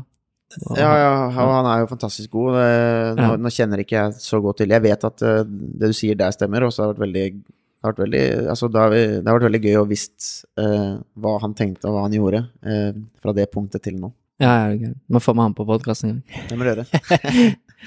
Men uh, før du får noen avsluttende spørsmål, som alle får på podkasten, så vil jeg høre om du For dette har vi snakket mye om nå, og du har snakket mye om hva du har lyst til å gjøre nå i ettertid. Så dette spørsmålet, det dreier så mye om det. Men hvis du kan gi noen tips til unge utøvere uh, det, det trenger ikke være fotball, men unge utøvere som har lyst til å bli gode, som er 14, 15, 16, 17 også, og virkelig liksom har lyst til å bli gode innenfor det de gjør, hva, hvordan tips vil du gi til de? Eller hvordan tips hadde du gitt til deg sjøl, hvis du hadde snakka til deg selv som en 15-åring nå? Nei, jeg tenker det at uh, du er ung, du har en drøm. Uh, jo eldre man blir, jo flere snakker bort drømmen din, gjerne. Altså, hva har du lyst til å bli? Jeg har lyst til å bli fotballproff. Ja, men hva skal du bli? Hva skal du utdanne deg til? Tør å stå Tør å drømme. Men samtidig så må du også være bevisst på hva som kreves, da. Så søk, finn informasjon, snakk med folk i forhold til hva kreves. Hvis du virkelig har lyst til å bli god, hva, hva kreves egentlig for å bli god? Hva er viktig? Um, og så har jeg alltid vært opptatt av at det handler ikke om at du ikke skal få game med PlayStation, eller drikke brus i helgene, eller Det er ikke det det handler om. Du må vite hva som kreves for at du skal bli god. Hvor mye trening må du legge ned? Eh, så, så det, er, det, er, mitt tips. Stå ved drømmen din. Tren masse. Eh, og på en måte ikke, ikke gi opp, da. Selv om det butter litt imot, da. Det fins så mange veier til å bli profesjonell. Ja. Og, og toget er ikke godt fordi du er 16, 17, 18 eller 19 år. Så ja. Ja, det er et bra tips. Det er kanskje noe av det samme du hadde sagt til deg sjøl, hvis du skulle fått snakka til deg sjøl som 17-åring nå, når du ble benka ja. på A-laget til Porsch og ja. ja da, jeg hadde jo heldigvis folk rundt meg som hadde trua på meg. Ja. Altså selv om jeg ikke fikk spille, så hadde jeg en trener som hadde trua på meg. Ja. Som henta deg seinere òg. Ja, og jeg hadde foreldre som støtta meg. Så det er jo viktig å ha folk rundt seg som, som hjelper deg, men hva du tenker selv også. Det, det er lett å si at du skal bli det, men du må også på en måte eh, vite hva som skal til, og så og være villig til å legge ned den jobben som kreves. Ja, det er et bra tips. Og de er heldige, de som får deg på den personlige nivået der etter hvert nå, og med disse tipsene rett inn individuelt, da. Så det blir gøy. Du må ikke råde dem til å bestille ting fra Kina, men heller, heller ting på fotballbanen. Ja. Der er bra. Helt klart. Eh, så er det en avsluttende spørsmål til slutt, og du har jo hørt noen episoder, så kan hende du veit litt om hva som kommer. Eh, og, det, og, det, kan være litt kult, for du har jo akkurat valgt å gi deg. Det er jo ikke så lenge siden du valgte å gi deg. Men det første er hva du er mest stolt av i livet ditt akkurat nå. Mm. Akkurat nå? Ja. Eh, altså, jeg tenker Eh, jeg er jo Jeg er veldig stolt av eh, selvfølgelig barna mine og, og, og de, disse, de tingene som er ekstremt viktige i livet mitt. Men jeg er jo også veldig stolt av, sånn i denne sammenhengen her også, at jeg har Jeg nådde målet mitt. Hadde et mål om å, om å bli profesjonell, og jeg klarte det. Jeg har klart å leve av det i mange år. Men jeg tror nok sånn et, Altså, det er først etter at jeg kanskje la opp også, at jeg har klart å Sånn overfor meg selv, da, så er det sånn blir sikkert enda sterkere? Ja, det blir sterkere hva du har opplevd. Ja, mm. når du på en måte begynner å, å, se litt over hva du har vært med på, hvilken reise du har vært med på. Ja. Hvilken eh, Ja, at du har oppnådd drømmen din, hvilken påvirkning du har hatt på andre mennesker. Mm. Og ja, så, så, det er nok det som jeg er mest stolt av, for fotball har jo vært Altså, det, jo, det har vært jobben min og livet mitt, og på en måte det har eh, Du jobba hardt for det livet òg? Så det er nok det jeg er mest stolt av, at jeg, at jeg klarte det, da. Og så er, jeg, så er, jeg, kjempestolt av den karrieren jeg har fått. Altså, du kan jo alltid si at Folk har bestandig spurt meg sånn ja, har du, mens jeg var aktiv, har du, hva er målet ditt, skal du til utlandet, skal du dit? Mens målet mitt var aldri sånn konkrete ting i forhold til at jeg skal ha ditt eller oppnå det. Jeg, bli, jeg ønska å bli profesjonell, og så hadde jeg en drive på at jeg ønska å bli bedre hver dag. Mm. Det er nok et godt utgangspunkt ja, å tenke var, på det. Ja, og det var det, det var det, jeg hadde. Jeg hadde ikke sånn at uh, så, så, sitter jeg her nå, og så er det mange som har hatt større karriere enn meg, og, og noen er mange som ikke har hatt samme karriere, men jeg er veldig stolt av min karriere. Ja, den er solid. Den har jo vært stabil, som vi sa, over mange år. Mm. Eh, og det, det, tror jeg er en bra greie, som du sa der, at mange har jo sånn Når jeg er 20, da skal jeg spille Eliteserien. Mm. For meg er det litt sånn Det er bra drøm å ha, for all del, men kanskje ikke så bra mål. For at det, hvis, hva skjer hvis du er 20 og ikke spiller i serien, da? Mm. Da har du liksom mislykkes, da er du på en måte ferdig, da. Mm. Uh, men det betyr jo ikke at ikke du ikke kan oppnå det seinere. Så du har jo hatt fokus på de tingene hele tiden du kan gjøre noe med, og det er jo bra. Ja. Uh, og det å drive og sammenligne seg med alle andre hele tiden, ja, i hvert fall sånn som vokser opp nå. Når du vokste opp, var det litt annerledes, for du er som sagt 35, så det var jo ikke Instagram og sånn når du var 15-16, og det var ikke det. måtte sammenligne deg enda mer med alle andre, da. Ja. Uh, men det er kult det som du sier også om at du nå også har den evnen til å se litt tilbake på hva du har vært med på. Som og, liksom, du har skapt minner for hele Telemark med, det, med kampen mot Dortmund og for Drammen når du vant NM-gull. Det ser man jo kanskje ikke når man holder på. Eh, jeg satt i går faktisk og så på intervju med Alan Shearer og Thierry Henry, for de er de første to som er i Hall of Fame, da, i Premier League. Mm. Så det var sånn langt intervju på en time, da. Og da sa jo Henri akkurat det at eh, det at jeg var med på The Invincibles, da, og var med å vinne Premier League uten å tape, det tenkte jeg ingenting på når det skjedde. Jeg hadde ikke lyst til å spille de to siste kampene engang, for da hadde vi allerede vunnet serien. Men i ettertid så ser han liksom hvor spesielt det er, da. Og det er jo fortsatt en rekord som står, det er ingen andre som har klart det samme. Så Nei, det er helt riktig, og det er um, Og det er også fordi at um, når du er aktiv, altså så spiller du en kamp, men allerede dagen etterpå så ligger fokus på neste kamp. Du Ja. har ikke på en måte tid til å nyte det liksom for mye, nei. Nei. Det er kjempegøy å vinne kamper. Det er kjedelig å tape kamper. Og så er det kjempegøy å ha vært god, Mm. men det hjelper ikke hvis du er kjempedårlig i kampen etter. Så du må hele tiden bare se framover hele tiden, og hele tiden gjøre deg klar, og hele tida prøve å bli bedre. Og det er jo et jag. Det er jo et kjempejag. For du kan jo godt si at eh, at uh, du kan, ikke kan prestere og kan slappe av og kose deg og bare spille fotball, men da er det ikke så lenge du er der. Nei. Så du er jo ikke bedre enn i siste kamp. Hvis du på en måte har noen kamper på, på rappen hvor du ikke er så god, så ja, så det er jo tøft òg. Det er et jag hele tiden her. Men også veldig gøy, da. Ja, det er nok en egen jo- evne til å klare å nyte de øyeblikkene, som, nyte det som skjedde mot Dortmund, og, og klare når det først det skjer, å nyte det. Ja, jeg husker jo det. Vi hadde den kampen mot Dortmund, men allerede dagen etterpå så hadde vi jo uh, restitusjon og begynte å snakke om Viking. Vi skulle møte dem tre dager etter. Ja, ikke sant. så um, Så du har ikke den tida til å egentlig reflektere så mye over hva du er med på. Nei. Og så er det litt den hva de menneskene på tribunen opplever, Ja, og ja. det du opplever selv, er liksom to helt forskjellige ting. Du er liksom i kampen, mens de som sitter på tribunen, får en opplevelse. Mm. Eh, ja, du har skapt min minner for mange andre, da. mm. Eh, det er kult at du nå, det syns jeg er gøy, at du nå, når du har lagt opp, klarer å se det, og kanskje nyter det litt mer, og ta inn over deg hva du har vært med på, da. Ja. Og klarer å være stolt av karrieren din. Selvfølgelig er du stolt av barna dine og sånn, men at du Mm. har noe du er stolt over for deg sjøl, Ja. det tror jeg er viktig, da. Ja da, og det er jeg stolt av. Mm. Så det Nei, det er jo sånn. Hvis noen kunne sagt til meg når jeg var ti år Ja, men jeg kan gi deg en karriere på Jeg vet ikke, jeg vet ikke akkurat hvor mange kamper jeg har, men si 350-400 kamper.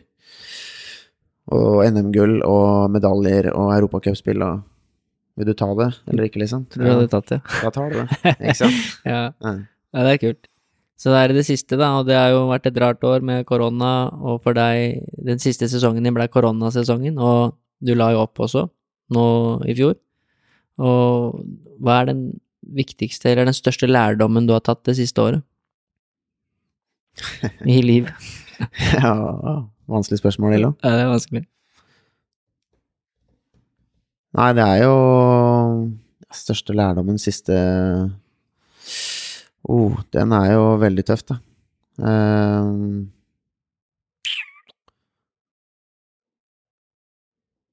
jeg vet ikke om jeg har lært noe som helst det siste året, eller noe. Det?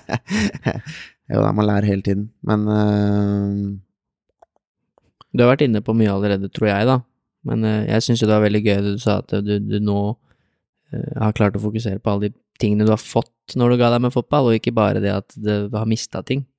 Men bare som vi Mm. snakka om før vi begynte å spille inn, så snakka vi jo litt om at du har mer tid i helgene, da, med familie og andre ting, som du ikke hadde før. ja da. Det kan vel hende det at jeg har blitt uh, mye flinkere til å sette pris på Sette pris på, på det jeg har, og at jeg eh, klarer å tenke positivt om det som venter, og istedenfor å tenke på hva som eh, er blitt borte. Ja. Eh, så om det, om det er noe som har kommet i år, eller om det er på en måte samme tankegang som du blir skada. Du kan ikke tenke på hva som har skjedd, men hva som er framover. Men jeg synes det er veldig vanskelig. Det har vært et veldig spesielt år, da. Ja. Eh, idretten har jo ikke vært like viktig eh, som Altså, misforstå meg rett, den har vært veldig viktig for å for, for mennesker å ha på en måte idretten, og, men det har vært covid, og Ja. helsa har selvfølgelig gått foran alt. Uh, jeg har ikke noe godt svar, Elo. Sorry. Kjempe Det går bra. Du har vært inne på masse bra allerede, da, som du har lært gjennom karrieren og, og ja, alle de tingene du har vært gjennom som toppidrettsutøver. mm. Så det er mange som kan dra nytte av nå, forhåpentligvis, i årene framover. Ja, forhåpentligvis. Men det var veldig kult. Det ble, jo, jeg sa det, ble en lang episode. Det blir alltid det. Det gjør det. Fordi det er en hel historie og alt du har vært igjennom. Ja da, og det er så Eh, mye man eh, ønsker å prate om, og det er så mye man eh, kanskje ikke kommer innpå, eller man klarer å få fram på rette måten, men, men ja, det er jo en lang historie, og nå ble den som den ble, og den ble vel på Et par timer. et par timer. Ja. er det Ja, Er det det? to timer. Nei, Litt over. er det gæren? Ja, ja. Nei, da er det bare å begynne å klippe, klippe Ja, vi må klippe ned. Nei, men det var, det var veldig bra. Jeg syns det var gøy å være med. Og jeg, som sagt, som har jobbet med utøvere så lenge nå, utvilsomt at det er mange som får mye ut av det. Ja, og som vil kjenne seg igjen i mange av de tingene du beskriver, og som du har gått gjennom, da. Alt fra du var 16-17 til nå. Eh, Det er, som, det er en stor del av idretten, Mm. og man må lære å takle det, og ja, det Mm. er fint å høre andre som har gått gjennom det samme, tror jeg, da. Ja, forhåpentligvis. Det er, det, det er jo det som er Det er det som er mitt ønske med denne podden også nå. Denne episoden er jo det at eh, Altså, det er, det er ikke først og fremst hvor mange kamper eller hva jeg har oppnådd som er poenget, det er det at Ja, du har jo snakka om Ikke så mye om det, nei. Nei, det er, kunne jo, jo snakka om alle medaljene dine og sånn òg, men det er jo på en måte at alle eh, møter på mange utfordringer underveis. Ja. Og, og det har mye å si hvordan du håndterer det, da. ja. Og det har du håndtert bra, så vi, kanskje vi lager en ny episode om et år eller to, når du har fått uh, kommet skikkelig i gang med prosjektet. Ja, det vært kult, det. det, da er sikkert mye annet spennende å prate om. Da har jeg forhåpentligvis uh, veldig mange, eller flere mennesker jeg kan prate om, som på en måte har Ja, eh, fått god hjelp på veien. ja det er kult. Mm. Så takk for at du blei med, og det var hyggelig med besøk. Takk for at du inviterte meg, Ella. Det var veldig hyggelig å være her. Tusen takk for at du har satt av tid til å lytte. Det setter jeg stor pris på, og jeg håper at du sitter igjen med noe verdifullt. Hvis du ønsker mer inspirasjon til trening og helse, følg meg, coach Elo, på Instagram. Der kan du også stille meg spørsmål, samt komme med tilbakemeldinger til podkasten. Du finner lenken i episodebeskrivelsen.